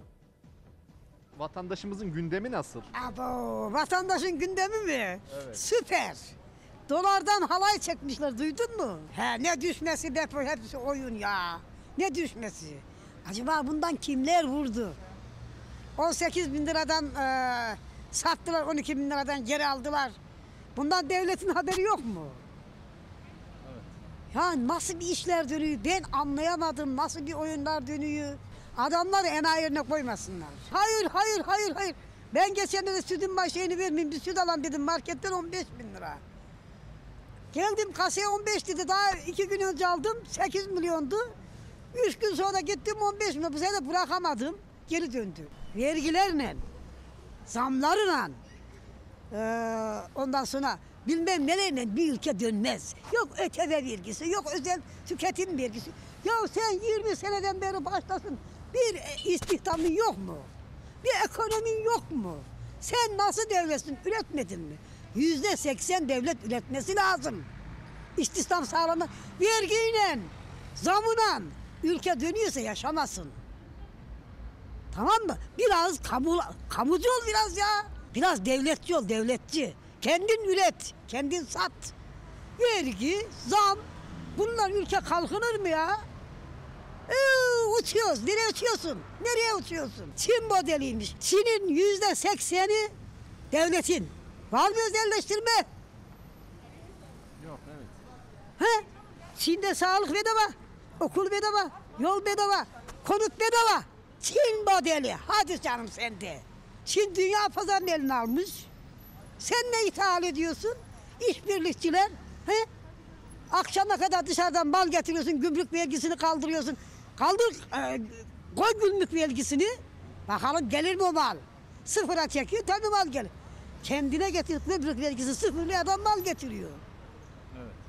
Ya nedir bu istihdam yok, ekonomi yok. Akşama kadar zam, ÖTV, benzin. Diyorlar benzin bulduk. Kesimlere doğru ne var benzin var ne mazot var. Diyorlar gaz bulduk o da yok. 50 sene yeter. Ben hiç inanmıyorum. Vallahi hani şaka yaptım ya Soner Yalçın'ın akrabası Che Guevara'nın halası diye. Sosyal medyada öyle konuşuluyordu. Benim diyen iktisatçıdan, benim diyen siyasetçiden iyi biliyor teyze. Bir gün demokrasi meydanı çağırayım mı? Ne dersiniz? Şöyle uzun uzun konuşalım. Vallahi iyi fikir ha. İyi Partili Özdağ'le. Kur ve faiz problemi bir buçuk senede çözülür. Asıl problem artan yoksulluk ve gelir eşitsizliği dedi. Hafta sonunda İyi Parti'nin Kalkınma Kongresi'nde konuştu. Cumhurbaşkanı Erdoğan benim Türk liram varken ne işin var senin halen yok dolardı yok avroydu. Türk lirası Türk lirası alışacaksınız buna. İyi de Sayın Erdoğan doğru söylüyor ama e neden o zaman ihaleler dolar ve euro ile yapılıyor? Neden o geçiş garantileri dolar ve euroya endeksi olarak yapılıyor? Neden o zaman dövize çevrilebilir Türk lirası mevduatı açılabiliyor? Neden? diye soralım. Muhalefet soruyor bunları. Ali Ekber Yıldırım, gübre, mazot, yemde indirim. Gübreye %300-400 zam oldu, indirim %20, %30. Yeme %100'e yakın zam geldi, indirim %10-15. Mazot 7,5 liradan 11,5 liraya çıktı, indirim 5 kuruş. Bu fiyatlarla gübre, mazot, yem alınarak nasıl üretim yapılacak diye soruyor haklı olarak Ali Ekber Yıldırım. Nasıl? Saadet Partisi lideri Temel Karamollaoğlu 50 yıldır siyasetin içerisinde sayılırım. Badireler atlattık, ihtilallere şahit olduk, hapishaneye girdik. Hepsi bir gerçek. Ama geçmişte hapishanedeyken bile bugün duyduğum endişeyi duymadım diyor. Çok düşündürücü. Adalet Bakanı Abdülhamit Gül, sokaklarda insanları tehdit eden hem sokak köpekleri hem de bu tür zararlı cinslerin aslında beslenmesi doğru değil. Zaten adli anlamda ve hukuki anlamda yapılması gereken ne varsa yapılacaktır dedi. Cumhurbaşkanının başlattığı tartışmayı sürdürdü. Döviz almayacağım imzası atmayana kredi yok. Sözcüden BDDK'nın yeni düzenlemesi konusunda bir manşet geldi efendim. Bu da önemli. İşte asıl felaket bu. Dikkatle dinler misiniz? Çok önemli. Nezih Onur Kuru'dan bir paylaşım. Türkiye %3 donanımlı nüfus oranıyla OECD ülkeleri arasında açık ara sonuncu. Şili'de bile donanımlı nüfus oranı %6, Yunanistan'da %9, Polonya'da 19, Kore'de 25, Finlandiya'da %40 efendim. Donanımlı nüfus. Evet. Eğitimli, donanımlı nüfus. Muharrem İnce 13 uçağın 12'sini satacağız. Bir uçak yeter Cumhurbaşkanı'na dedi efendim. Bir de sizi Mardin'e götüreceğim. Mardin'de işçi kardeşlerimizin acısına ortak olacağız. İnşaat aşamasındaki bina çöktü. Göçük altında iki işçi kaldı. Can pazarı yaşanan şantiye alanında işçilerden biri yaşamını yitirdi. Çökme beton dökülürken yaşandı. 5 işçinin çalıştığı bina inşaatında göçük altında iki işçi kaldı. Mardin'in Artuklu ilçesinde yaşandı çökme. Sebebi henüz tespit edilemedi. Göçük altında kalan iki işçiden biri kendi imkanlarıyla kurtuldu. Tedavisi ayakta yapıldı. İşçi Sayım Toparlı ise iş arkadaşı kadar şanslı değildi. Enkaz altında kalan işçiyi kurtarmak için adeta can pazarı yaşandı. Sağlık, jandarma, polis, AFAD ve itfaiye ekipleri canla başla çalıştı. Tüm çabaya rağmen ekipler ulaştığında işçi Sayım Toparlı yaşamını yitirmişti. İşçi Toparlı'nın cenazesi otopsi için Mardin Devlet Hastanesi'ne kaldırıldı. Polis çökmeyle ilgili soruşturma başlattı. Şimdi efendim bir konuğum var. Benim 91 yılında mesleğe başladığım tarihte tanıştığım bu hesap işlerini çok iyi bilir. Ne olup bittiğini anlamak istiyorum. Sizler de benimle birlikte onunla anlamaya çalışın lütfen. Konuğum gelmek üzere. Bunun dışında Ankara'ya götüreceğim şimdi sizlere ama Ankara'dan önce İzmir'den Aydan Sakbaş annem gibi diyor. Teşekkür ediyorum kendisine emekleri için. Annem gibi. Ve bizim gururlarımız, dünya çapındaki gururlarımız Özlem Türeci ve Uğur Şahin ile aşı. Onlar tarihe geçtiler. Eylül'de sevmek istedim seni diyor. Meltem Güdemezoğlu yazdığı şiirlerden oluşan kitabını bana göndermiş sağ olsun. Konuğum geliyor da zaman kazanmaya çalışıyorum bir taraftan. Gülten Dayıoğlu Fadiş isimli kitabıyla çocuk masallarından birisi.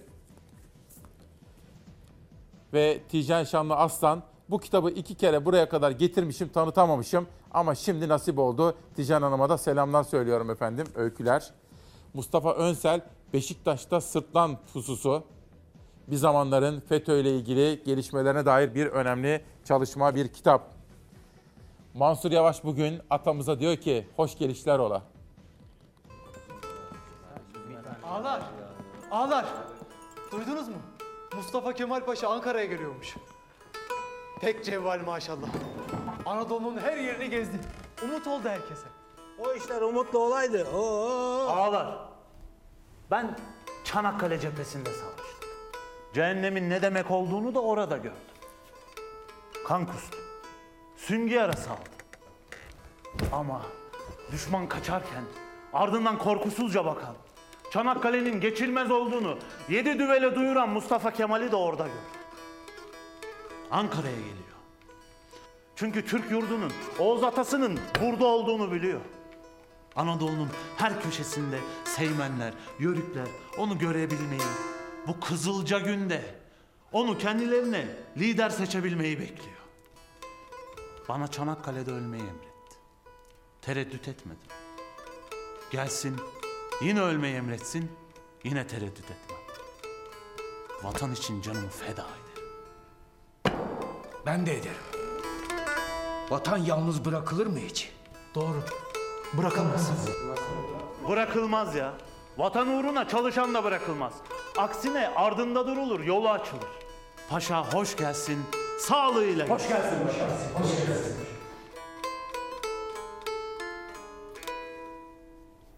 Ankara'ya selam olsun. Atamızla ilgili de hoş gelişler ola dedik.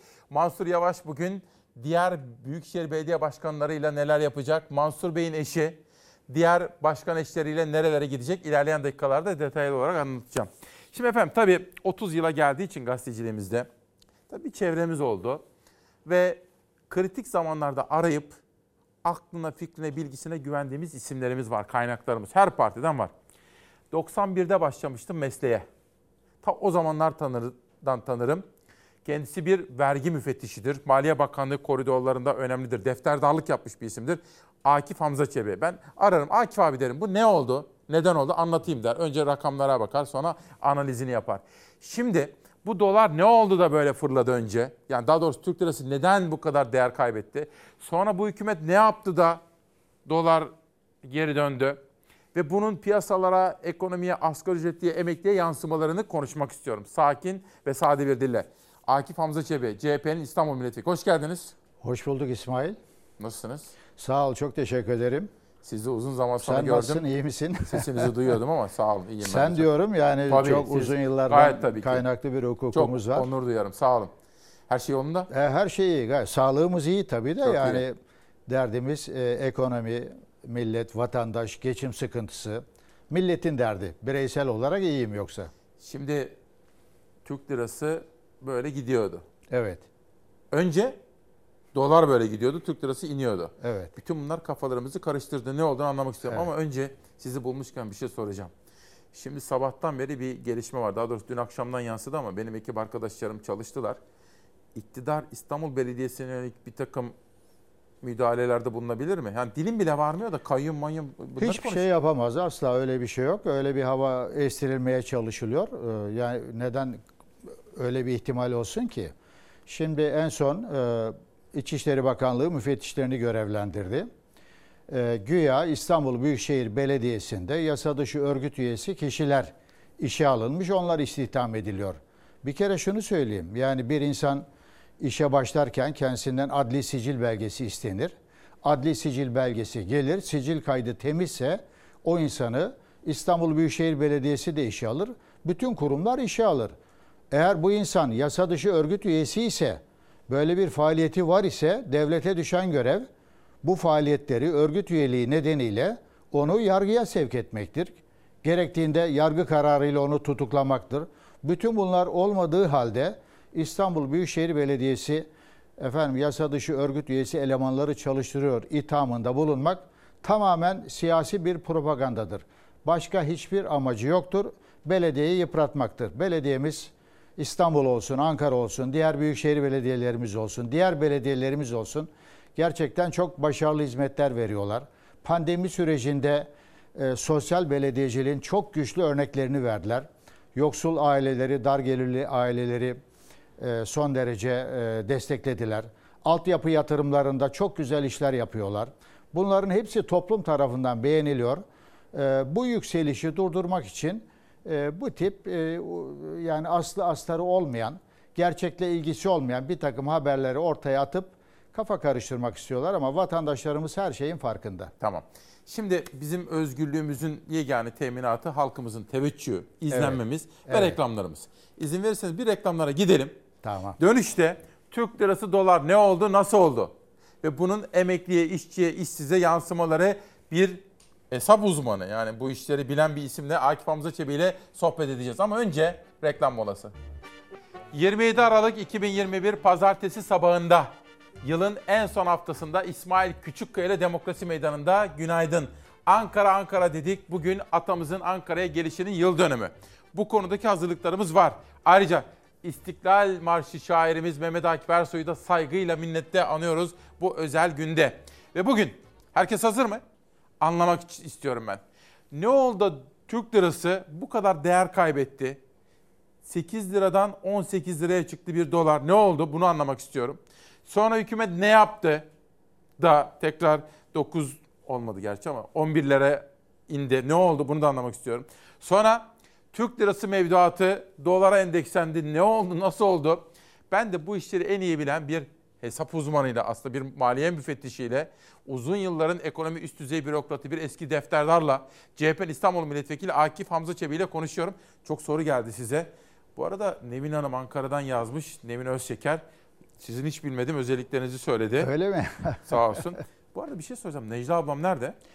Ee, İstanbul'da, İstanbul'da mı? evde şu anda. Hayır burada yakaladık. İyi. Tabii tabii. Ona da selamlarımı iletin lütfen. İleteceğim. Tamam mı? Onun da selamları Şimdi bir varsa. haber piyasalara bir bakalım. Tamam. Ondan sonra ne oldu, nasıl oldu, neden oldu? Geçen haftaya 18 liradan başlayan dolar kur korumalı TL mevduat düzenlemesiyle geri adım attı 10 lira 25 kuruşa kadar düştü geçtiğimiz haftanın içinde. Yeni haftaya ise dolar 11 lira 50 kuruş seviyesinden başladı. Türkiye'de döviz fiyatları pazartesi akşamına kadar ki bölümü tamamen bir köpüktü. Ocak 2021'de 7 lira 40 kuruş seviyesindeydi dolar. İç ve dış politikada yaşanan gelişmeler Merkez Bankası'nın Eylül ayından bu yana aldığı faiz indirim kararları dövize yönelik talep Türk lirasını dolar karşısında eritti. Dolar 18 lira 30 kuruşun üzerini gördü. Spekülasyon vardı, manipülasyon vardı ve en önemlisi yerleşiklerin psikolojisini bozacak karamsarlığın çok hızlı bir şekilde topluma sirayet etmesiydi. Dövize endeksi mevduat düzenlemesini açıkladı 20 Aralık akşamı Cumhurbaşkanı Erdoğan ve dolar o tarihten sonra geri adım attı. 10 lira seviyesine kadar geriledi. Son 3 ayda yaşadığımız bir türbülans vardı. Başından beri bu bir köpüktür, bu bir köpüktür, yapmayın, etmeyin, Üzerinde eylemeyin kapatmış demiş durumda. olmamıza rağmen. Cuma gününü de 10 liranın üzerinde kapatmıştı dolar. Yeni haftanın ilk gününe ise 11 lira 50 kuruşun üzerinde uyandı. Euro ise 13 lira 10 kuruş seviyesinde. Altın fiyatlarında da dolara benzer bir dalgalanma yaşanıyor. Gram altın 700 liradan, çeyrek altınsa 1097 liradan alıcı buluyor. Piyasaları ve piyasalardaki gelişmeleri Zafer Söken takip etti. Akif Hamza Çebi'ye soralım. Şimdi her şey yolunda gözüküyordu. 8 lira, 9 lira. 1 dolar karşısında Türk lirası. Fakat bir anda eşi benzeri görülmedik bir çekim şekilde ve hayatımızda tarihimizde hiç görmediğimiz kadar fırladı 18 liralara düştü. Daha doğrusu Türk lirasının değeri eridi, eridi, eridi. Ne oldu, neden oldu? Ee, sevgili Küçükkaya, olayın e, muhtelif nedenleri var. Belki iki grup altında, iki başlık altında bunları özetlemek daha doğru. Birincisi e, bir e, arkasında durulan bir ekonomik programın olmayışı. Söz veriyorsunuz, verdiğiniz sözü tutmuyorsunuz. Örneğin 2022 yılı için orta vadeli programda öngörülen dolar e, varsayımı 9 lira 27 kuruştur. 2023 yılı için 9 lira 77 kuruştur. 2024 yılı için 10 lira 27 kuruştur. Bakın böyle bir dolar e, piyasaya söylemişsiniz. Bütün vatandaşlara söylemişsiniz. Enflasyon demişsiniz 2022'de %9.8 olacak. E, bunun tutması mümkün değil. Dolarda olduğu gibi. E, böyle bir programı uygulamıyorsunuz. İki, Merkez Bankası bağımsızlığını e, yok ettiler. Merkez Bankası bağımsızlığı çok önemli bir kavram. Gelişmiş ülkeler bunun yararını görmüşler ki e, o bağımsızlığa saygı gösteriyorlar. E, siyaset kurumu da bundan yarar görüyor. İnsanlar parasını tasarruf etmek isteyen insanlar onun değerini korumak isterler. Evet. Eğer ülkede enflasyon var ise ve bankadaki e, şeyler, faizler, mevduat faizler onu korumuyor ise kendilerine güvenli bir liman ararlar. Gider dolar alırlar. Dolar alırlar. Merkez Bankası bağımsızlığı yok edildi. Faiz enflasyonun nedenidir gibi bilim dışı bir e, iddia ile faizler indirildi. İndir tamam. Sayın Erdoğan diyor ki ya faiz indirilirse bundan bir tek paradan para kazananlar zarar görür. Yani kulağa hoş geliyor, güzel geliyor. Peki e, örnek vereceğim ben size. Faiz indirildi. Merkez Bankası faizi kademeli olarak %19'dan 15'e en sonunda 14'e indirildi. Faiz %19 iken hazine borçlanma yaptı. %17'ler 17 faizlerle borçlandı. Faiz 15'e indi. Bu dediğim borçlanma Eylül'de. Eylül 2021'de. Hazine e, şey Merkez Bankası faizi indirdi. 7 Aralık'ta hazine borçlanma yaptı. %22 ile. 22.7. Tam 5 puan fazlası. Son bakın. dakika vermiştim burada. Evet. E hani Ve üstelik Akif Bey 10 yıl vadeli borçlandı. Yani Evet. biz 10 yıl boyunca 22-23 faiz ödeyeceğiz. Evet, evet. Yani 5 yılı var, 10 yılı var. O Benim verdiğim haberde en son evet, 10 do- yıllıktı. Doğru. Şimdi bakın. E hani Yani faizi düşürünce paradan para kazanan dışında kimse zarar etmeyecekti. Bankalar için fırsat doğdu. Yüzde 15 ile yüzde Merkez Bankası'ndan alıyor. Şimdi alırsa yüzde 14 ile alacak. Yüzde 22.7 ile Verecek. verecek. Bankalar kazanacak. Dünya Gazetesi'ni verir misin? Bugün Dünya Gazetesi'nde bu Evet. konuda bir haber vardı. Çok Evet, çarpıcı evet, bir haber. evet. Faizlerin nereye geldiği konusunda. Gelsin bak. Şimdi bankalarda mevduat ve kredi faizleri arttı. Kredi Kobi kredi faizleri %30'u aştı. Şimdi arttı. Ha, bir de faizi indiriyorum dedi. E peki indirdin. Mevduat faizleri de indi. En son kur korumalı mevduat hesaplarıyla faizi de yükseltti. Bakın Merkez Bankası'nın ilan ettiği faizin 3 puan üzerinde bankalar faiz verebilir e, dediniz. Şimdi böyle bir programa hiç kimse güvenmez. Kur korumalı mevduat hesaplarıyla da Türkiye'deki tüm mevduatı dolara endekslediler. Biz şimdi dolara endeksli bir ekonomi yaşıyoruz. Ondan sonra da deniliyor ki efendim dolar düştü fiyatlar niye inmiyor? Her şeyi dolara endekslersen yani dolara endekslersen ilk bakışta e, dolar düşünce onun da e, enflasyonun fiyatların da e, market raflarındaki fiyatların da düşmesi lazım. Öyle olmuyor. Eylül ayı başında dolar kuru 8 lira 30 kuruştu. Ekim ayı ortalaması 9 lira 14 kuruştur. Kasım ayı ortalaması 10,5 liradır. Aralık ayı bu inmiş haliyle bunları da dikkate alıyorum. Aşağı yukarı 14 liradır. Bu rakamdan ithalat yapıldı, üretim yapıldı. Tabii. Bu mallar o maliyetlerle üretildi ve raflara öyle geldi. Şimdi dolar birden 18'den e, 11'e indi diye o fiyatlar asla inmez. Onlar maliyetlere girdi. Bu konuda bir haberimiz var. Bir izleyelim. Tabii. Yönetmenimden rica edeceğim. Şimdi tabii 8 liradan 18 liraya çıkarken e iyiydi her şeye zam zam zam zam yaptınız. E peki Bendevi Palandöken TES Başkanı da soruyor. E peki bindirirken iyi neden indirmiyorsunuz? Yamaç paraşütünde dolanırsınız, dolanırsınız rüzgara göre siz kendinizi süzersiniz. Piyasa bunu yapıyor. Bak yamaç paraşütünden düşersiniz. Fiyatlar aşağı hızlı bir şekilde inecek. Yoksa geliyor gelmekte olan hazine ve maliyenin sopası. Evet, geliyor gelmekte olan. Ama ne geliyor biliyor musun? Milletin sopası geliyor ey AKP. Anlaşıldı. Devleti yönetemeyince değnekçiliğe başladınız. Yeni mesleğiniz hayırlı olsun. Döviz kurları düştü, Türk lirası değer kazandı ama etiketlere yansımadı. Hazine ve Maliye Bakanı Nurettin Nebati de bu duruma dikkat çekti. Sert bir dille uyardı. AK Parti'nin Kızılcahamam kampında kulislere göre fiyatlar hızlı inecek yoksa bakanlığın sopası geliyor dedi.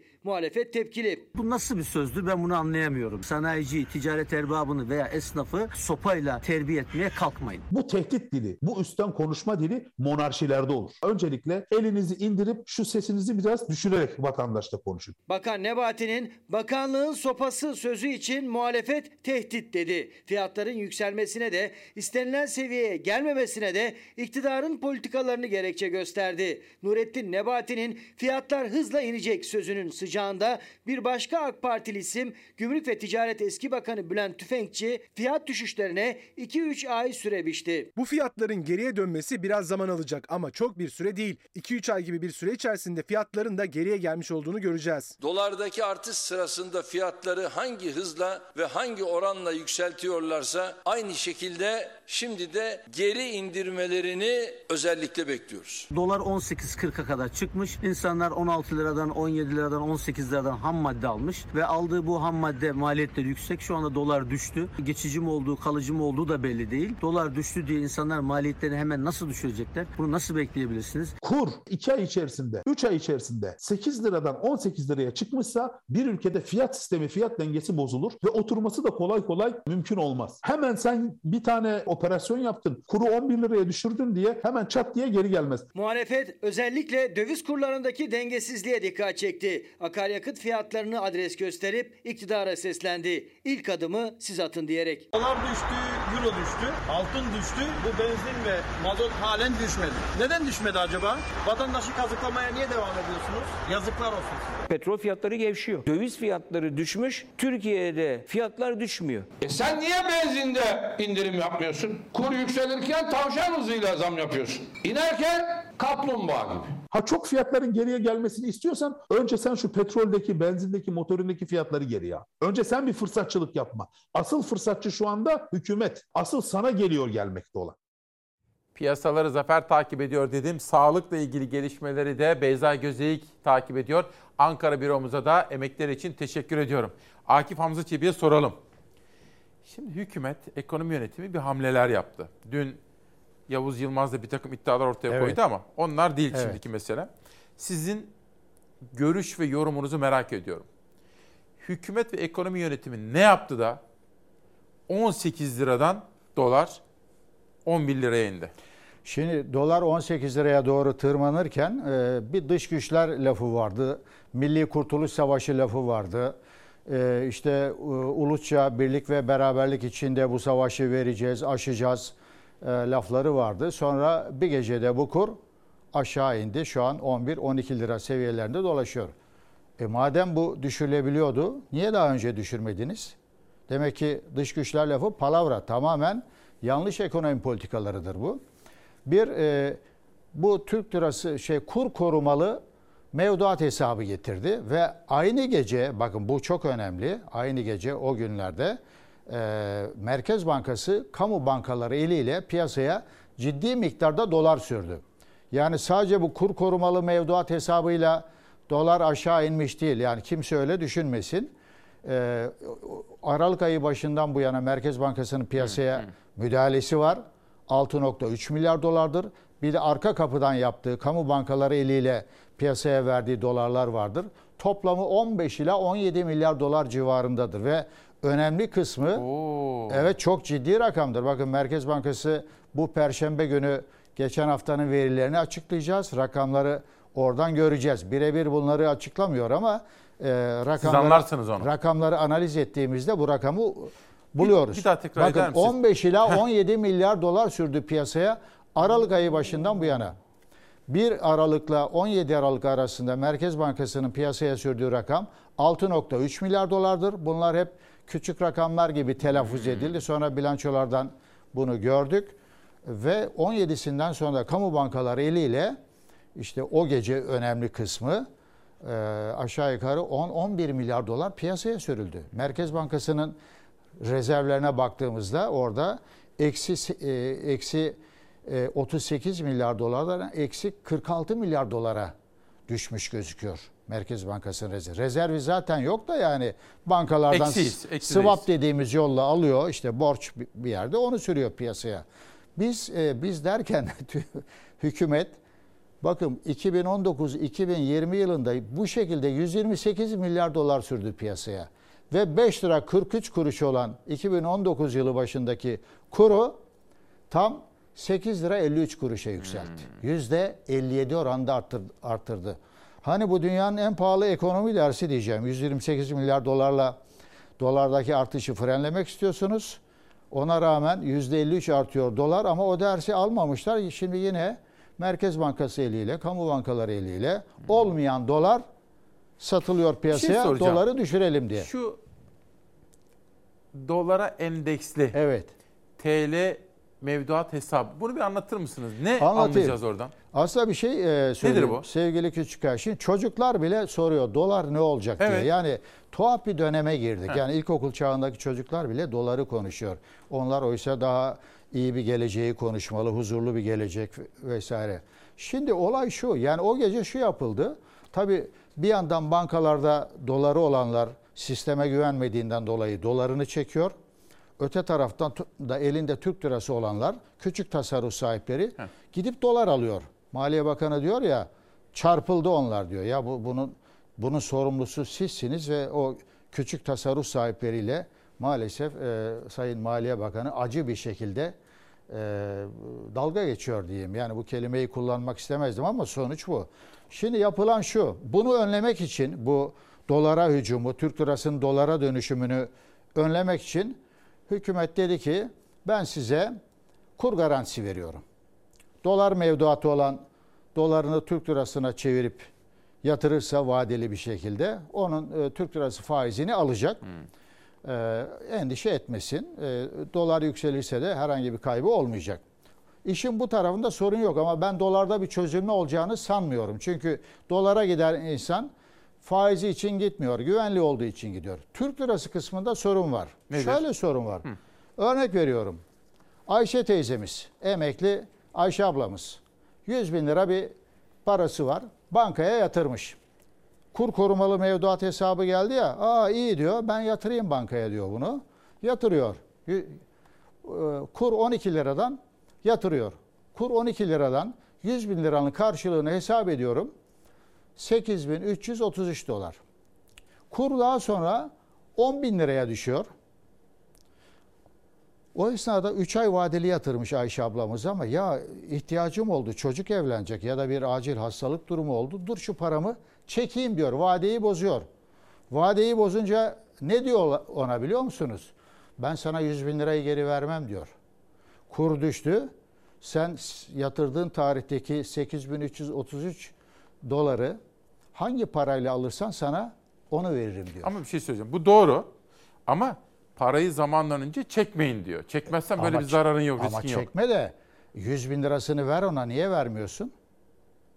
Yani niye Ama vermiyorsun? Buna göre bir enstrüman. Bunu o parayı yani hemen ihtiyacın olmayacak bir paraya yatırman gerekiyor. Ama acil bir durum oldu yani. Hmm. Dolar mevduatta bunu yapmıyorsun. Doları Türk lirasına çevirdi, yatırdın. E, Sana e, dolar kurundaki düşüşü ben e, e, yansıtıyorum demiyor. Peki. Şimdi gazetelere de bakacağım. Bir de sosyal medya hesapları var. Onlar bir gelebilir mi tweetler arkadaşlar? Bu arada emeği geçen arkadaşlarımdan bahsediyorum ya. Tarımla üreticiyle ilgili haberleri çevre manşetlerinde Ezgi Gözegel hazırladı. Özellikle süt konusunda Bursa'dan, İzmir'den, Tire'den sesler var ama o haberleri yarına taşıyacağım. Gündem çalışmamızda dün uzun uzun Nihal Kemaloğlu ile yaptık. Akışımızı editörüm Zeray Kınacı ile yaptık. Bütün ekip arkadaşlarıma ne kadar teşekkür etsem azdır efendim. Ve bakın şöyle söyleyeyim. Akif Hamza Çebi'ye soralım. Kur spekülasyonuyla karşılaştık. Bunu bir saatte atıverdik. Ben ekonomistim, benim işim bu diyor Sayın Erdoğan. Evet, Sayın Erdoğan ekonominin kitabını da yazdık diyor ama doğrusu onun e, onun ekonomist olduğu ülkede işte dolar 18 liraya da çıkar. E, Bu kur korumalı mevduat hesaplarının e, sonu da felakettir. Bu bu bu projeyle kriz sadece bir miktar ertelenmiştir. Ciddi bir maliye ekonomi programı uygulanmaz ise krizi sadece ertelemiş e, oldular. Bakın e, biraz önce örnek verdim. E, Merkez Bankası'ndan bankalar %15 ile parayı alıyor, %22-70 ile hazineye borç veriyor. Yani bir ekonomist Bankaların karları patlayacak. Ba- bankalar muazzam karlı. Bankalar bankalar mis gibi. Bankalar çok çok mutlu. Şimdi Şimdi şunu da söyleyeyim. Tabii, lütfen. Ya Türk lirasına dönün diyor. E peki sen e, Türk lirası mevduatı dolara endeksledin. Ya nasıl dönecek? Bütün ihalelerin dolarla, şehir hastaneleri dolarla, e, kamu özel işbirliği projeleri hepsi dolarla, köprü geçiş iş- ücretleri dolarla, Türk lirasını da dolara e, endeksledin. E diyorsun ki Türk lirası kullanın. Peki. Şimdi TESK Başkanı da söylüyor. işte Akif Hamza Çebi de söylüyor. Vatandaş da söylüyor. E bu kadar zam yaparken iyiydi. E neden indirim yapmıyorsunuz?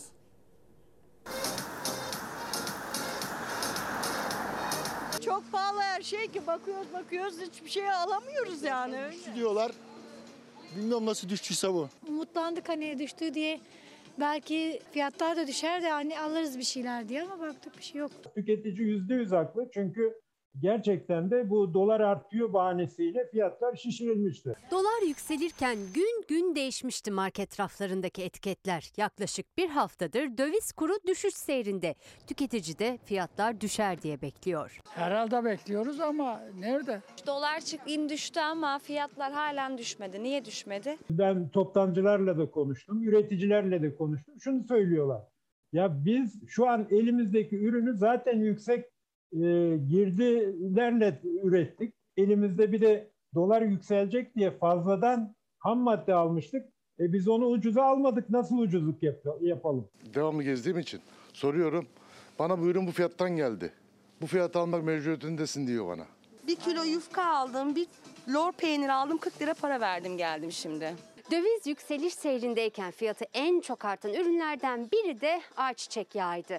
Bu ayçiçek yağının fiyatı da en son 20 Aralık 2021 tarihinde değişti. 2 litresi 68 lira 95 kuruş oldu. O tarihten itibaren döviz düşüş seyrine başladı ama o tarihten bu tarihe etiket değişmedi. Şimdi birdenbire bunun 50 liraya düşmesini beklemek de e, hayal tabii ki. Bu da mümkün değil. Gübre fiyatında e, %20, %30 bazı firmalar bazı çeşitlerde %40 oranda bir indirim yaptılar. Ama fiyat artışına baktığımızda zaten %300, %400 art- artmıştı. Tarım yazarı Ali Ekber Yıldırım'a göre özellikle gıda fiyatlarında indirim beklemek için olayın kaynağına yani tarlaya inmek gerek. Çiftçinin gübresine, hayvancının yemine yapılan indirim son bir yıldaki fahiş zamların yanında hissedilmeyecek kadar az. Örneğin nakliyecinin mazotu indirim hissedilmedi bile çünkü fark ÖTV'ye aktarıldı. Nazlan burada daha da önemlisi devletin aslında bu indirimde çok fazla yer almaması. Yani akaryakıt fiyatları işte e, bir indirim oldu ama pompaya yansımadı. E, yine devletin kontrol ettiği elektrik fiyatı düştü mü? Düşmedi. Doğalgaz düştü mü? Düşmedi. Ucuz yok. Ucuz bir şey olmaz memlekette. 80'den beri ben rastlamadım memlekette ucuzun bir şey olduğunu. Büyük firmalardaki yani indirimi kimse beklemesin bence. Niye? Ya, yapmazlar. İşlerine gelmez. Haksız Fiyat Değerlendirme Kurulu ürün alış fiyatları artmamasına rağmen bazı ürün gruplarında %20'leri aşan oranda sebepsiz zam yapıldığı gerekçesiyle 5 zincir markete para cezası kesti. Hani hatırlarsınız fiyatlar artarken denetim yapalım, ceza keselim denilmişti. Şimdi fiyatlar inmiyor diye tekrar denetim yapalım, tekrar ceza keselim. Gerçekten çok acı olan insanlar var. Onlar düşünüp üzülüyoruz din kardeşlerimize. Para mara istemiyorum abi. Para istemiyorum. Para istemiyorum. Doldur kendini. Kazandığıyla hali hazırdaki fiyatlara gücü yetmeyen tüketici de pazar tezgahının arkasında kalan çıkma malları almaya devam etti. Bizi bu hale düşürenler utansın. Günün tartışması bakın İmamoğlu konusu var ya. Birhan Keskin, bir şair kadın diyor ki İstanbul'un belediye başkanını biz İstanbullular seçtik. Hem de hatırlatayım iki defa diyor. Oğuz Demir de TÜİK Başkanı Kılıçdaroğlu'nu neden kapıda bıraktığını anlattı. Kurumu siyasi tartışmaların bir parçası haline getirmek istemedim diyormuş TÜİK Başkanı. Başardı mı? E peki ne olurdu ki? Merkez Bankası Başkanı gibi davet etse Kılıçdaroğlu'yla yarım saat görüşse ne olurdu ki? İşte o zaman siyasi tartışmaların dışında bırakırdı. Oğuz Demir haklı. Akif Bey, Mahfi İlmez diyor ki, evet. bir ekonomi sermaye hareketlerini serbest bırakmışsa Türkiye gibi, yani isteyen döviz alabiliyorsa veya döviz hesabı açabiliyorsa, o ekonomide hem faizi hem de kuru aynı anda denetleyemezsiniz. İmkansız üçlü ve Türkiye. Evet. Fakat Sayın Erdoğan diyor ki ben ekonomistim diyor, farklı şey söylüyor. Ee, Sayın Erdoğan ekonomist olarak kendisini tanımlıyor ama herhalde okula devam etmediği için mi bilemiyorum. Yani ekonomide bunu öğrenmemiş. İmkansız üçlü denen bir şey vardır. Bir ekonomide sermaye hareketleri serbestse, Türkiye gibi, Türkiye döviz girer çıkar serbesttir. Vatandaş döviz alır, satar, bankada mevduat hesabı açar serbesttir.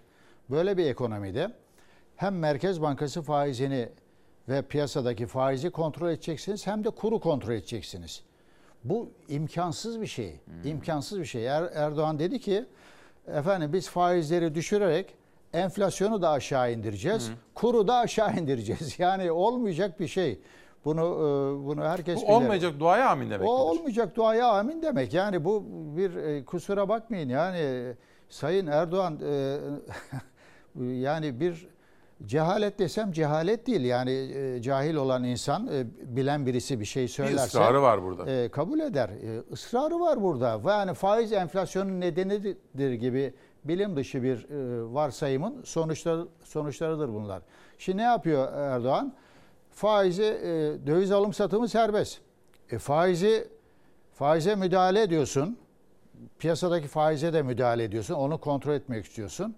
E, kuru da döviz kurunu da kontrol etmek istiyorsun. İşte bakın 15-17 milyar dolar Evet. piyasaya sürdü. İmkansız bir şey. Bunun için 80 öncesi ekonomi lazım. Döviz yasak. Konvertibilite yok. Konvertibilite yok. Ee, bugünkü gibi dalgalı kur rejimi yok. Sabit kur rejimi var. Kuru devlet belirliyor. Böyle bir ekonomide e, e, bir şeyleri Ama- yapabilirsin. Ama biz şimdi dünyaya açığız ya. Geçelim. Durum net anlaşıldı. Evet. Erdoğan kur oyununu bir saatte bozduk. Kılıçdaroğlu 20 Aralık'ın hesabını soracağız. Şimdi burada sizin kafanızı da kurcalayan yani tercihler hatalı olabilir. Bazen Evet. bedel öderiz millet olarak. Bu değil şimdiki sorum. Burada tuhaf ve hani dilimde varmıyor ama bir takım karanlık işler olmuş olabilir mi? Kesinlikle sevgili Küçükkaya kesinlikle olmuştur. Bakın 128 milyar doları uzun süre uzun süre sakladılar. Daha doğrusu böyle bir şey yok dediler vesaire. Ve e, zamanı Maliye Bakanı Lütfi Elvan ya bu kayıtlar açıklanabilir dedi. Niye açıklanmıyor dedi. Merkez Bankası Başkanı Naci Ağbal e, kamuoyuna öyle yansıdı. Kendisi bir açıklama yapmadı ama bu 128 milyar doları araştıralım e, dedi e, kendi iç toplantısında ve bu yüzden hemen onu görevden aldılar. Şimdi de 20 Aralık gecesi dünya kadar dolar sürüldü piyasaya. Dünya kadar dolar satan oldu. Hani bir banka genel müdürü de açıkladı. 1 milyar dolar Evet, satıldı. evet. Sonra bir başka banka genel müdürü 1 milyar 75 e, milyon dolar dedi. Kim sattı? Bunun açıklanması lazım. Kim o gece kur 18 lirayken hatta gece saatlerinde bu e, şey internet şey bankacılığından bellidir. Akif Bey bir şey soracağım. Hani ben dedim ya sizi ben 91'lerden tanıyorum. Ta rahmetli e, Taşdemir vardı değil mi? Evet. Şimdi siz bizlere hep şunu söylediniz. Siz olsun, Hasan Basri Aktan. Bazı konular devlet mahremiyeti, Evet. işte mesela müşteri mahremiyeti, böyle mahrem bazı bilgiler Tabii de ki, vardı. elbet. Bunlar mahrem bilgiler kapsamına girmez mi? Siz şimdi defterdarlık yaptınız. Evet. İstanbul'da, Ankara'da önemli görevlerde bulundunuz. Bu konular mesela kimin dolar bozduğu, ne kadar dolar bozduğu filan mahrem bilgi kapsamına girer yoksa açıklanması gereken mi? Şimdi e, se- sevgili Küçükkaya elbette bankacılık kanunun e, getirmiş olduğu bir takım e, yasaklar vardır. Yani bankacılar hemen bunlar şunlardır diye bir açıklamayı yapamayabilirler. Bunu doğal karşılarım ama ortada bir yolsuzluk var ise yolsuzluğun mahremiyeti olmaz.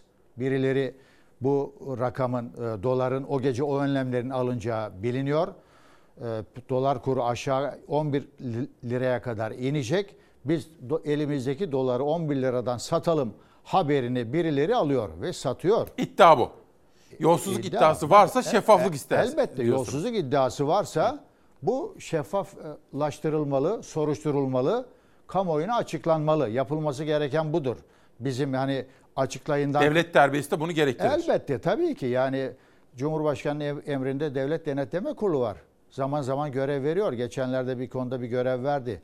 Hatta ben 128 milyar doları da araştırsın dedim madem öyle. O, o, o, o süreci de araştırsın. Peki. Bu da hemen araştırılmalı. Peki geçelim. Kılıçdaroğlu dedi ki ben bunun peşini bırakmam. Meclise ge- getireceğim dedi. Elbette. Şimdi Yavaş ve İmamoğlu'nun ismi öne çıkarılıyor ama İstanbul ve Ankara'nın yönetimini bırakamayız, seçmenimize anlatamayız. Bu dün Kılıçdaroğlu'nun yaptığı açıklamalar. Bir sonraki manşete geçelim. Şimdi ya benim Türk liram varken ne işim var senin hala yok dolardı yok avroydu. Bu sözler Sayın Erdoğan'a ait.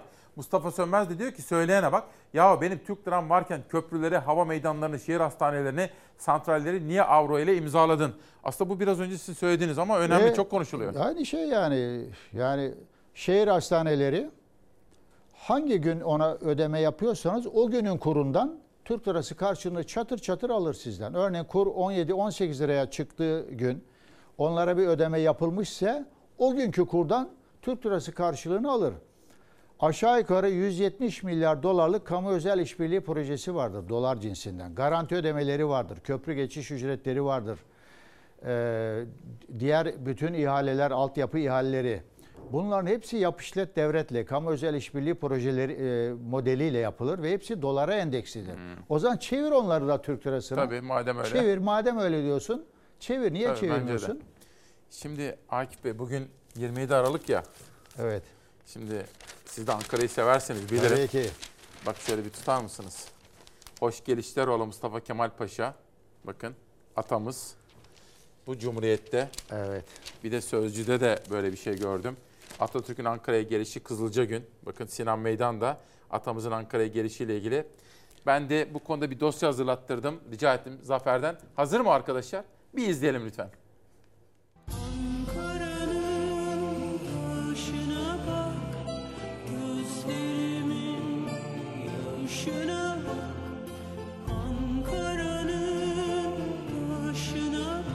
27 Aralık 1919 tarihin seyrinin bir milletin kaderinin değiştiği gün. Ankara'nın milli mücadelenin merkezi olarak seçildiği gün. Mustafa Kemal'in Ankara'ya geldiği o Kızılca gün. Bugün 102. yıl dönümü.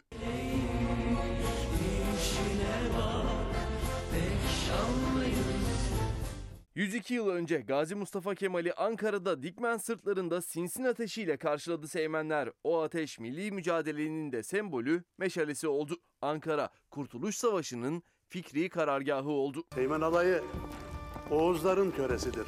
Bir baş değişeceği zaman Seymen alayıyla onu ilan ederler.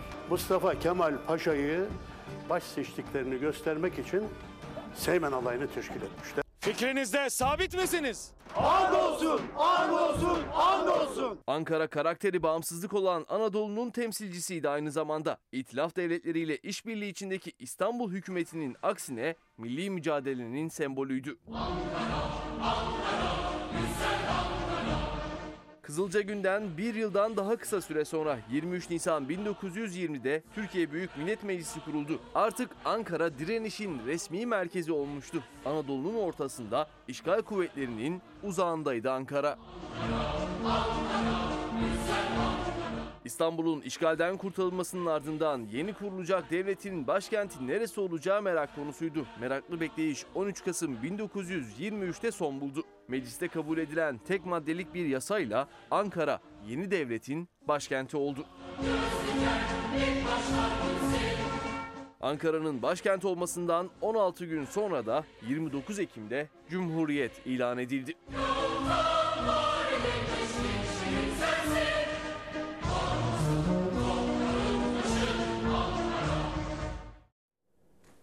Ne güzel bir gün Ankara için değil mi? Siz de Ankaralı Ee, sayılırsınız. çok güzel. Ee, 27 Aralık benim e, sevdiğim günlerden biridir. Ee, Atatürk'ün Ankara'ya e, geldiği gün. Elbette bütün milletimiz seviyor. O sevgi sadece bana mahsus bir şey değil ama ben de biraz daha farklı bir anlamı da var. Ee, Nedir? Atatürk'ü Ankara'ya gelişinde karşılayan vali vekili Defterdar Yahya Galip'tir. Yani ben Ankara defterdarı olarak oturduğum o koltukta zamanın vali vekili Atatürk'ü karşılayan Defterdar Yahya Galip oturuyordu. Saracoğlu mahallesinde çok uzun yıllar oturdum bürokrasideki görevim güzel bir boyunca. mahalledir orası. O mahalleden e, arabamla çıkıp caddeye çıkıp girdiğimde o caddenin adı da Yahya Galip Caddesi'dir. O caddeyi kullanarak her gün e, işe gittim geldim ve defterdarken e, sitelerde yaptığım bir vergi dairesinin yeni bir ver, vergi dairesinin adını Yahya Galip Vergi Dairesi koydum. O isim yaşasın Ay ne diye. güzel. Bravo. Duyarlılık. Evet. Şimdi size son sözünü soracağım ama bir sevincimizi, bir gururumuzu sizinle paylaşalım. Ben aslında hiçbir zaman özel konulara burada girmiş değilimdir. Fakat fotoğraflar gelsin. Biz Çalar Saat ailesi olarak yerel gazetelere çok önem veriyoruz Akif abi. Evet. Şimdi 9 yıl önce ben bu işe başladığımda benim bir büyüğüm Ali Kemaloğlu önerdi. Yerel gazete okuyalım dedi Amerika'daki gibi. O gün bugündür okuyoruz. Evet. Ve Adana'da ben de hafta sonunda 5 Ocak gazetesi tabii 5 Ocak Adana için gurur günü. Hem Vahap Seçer, Mersin Büyükşehir Belediye Başkanı hem Zeydan Karalar, Adana Büyükşehir Belediye Başkanı elinden ödül aldım. Ödülümü de siz Çalar Saat ailesine ithaf ettim. Takdir edenlere teşekkür ediyorum. Sabahlar erken saatlerde izleyiciyi ekran başına çekiyor. Enerjik sunumu gülen yüzüyle sabah mahmurluğundan eser bırakmıyor. Olaylara farklı bakış açısı getirip cesurca yorumluyor. Sabahları tüm Türkiye'yi habere doyuruyor. Adana haberlerine gösterdiği özel ilgiyle hepimizin kalbini çalıyor. Huzurlarınızda gazeteci, Fox TV'nin Çalar Saati, sabahlarımızın anchorman'i, yılın televizyoncusu ödülünün sahibi Sayın İsmail Şıkkaya.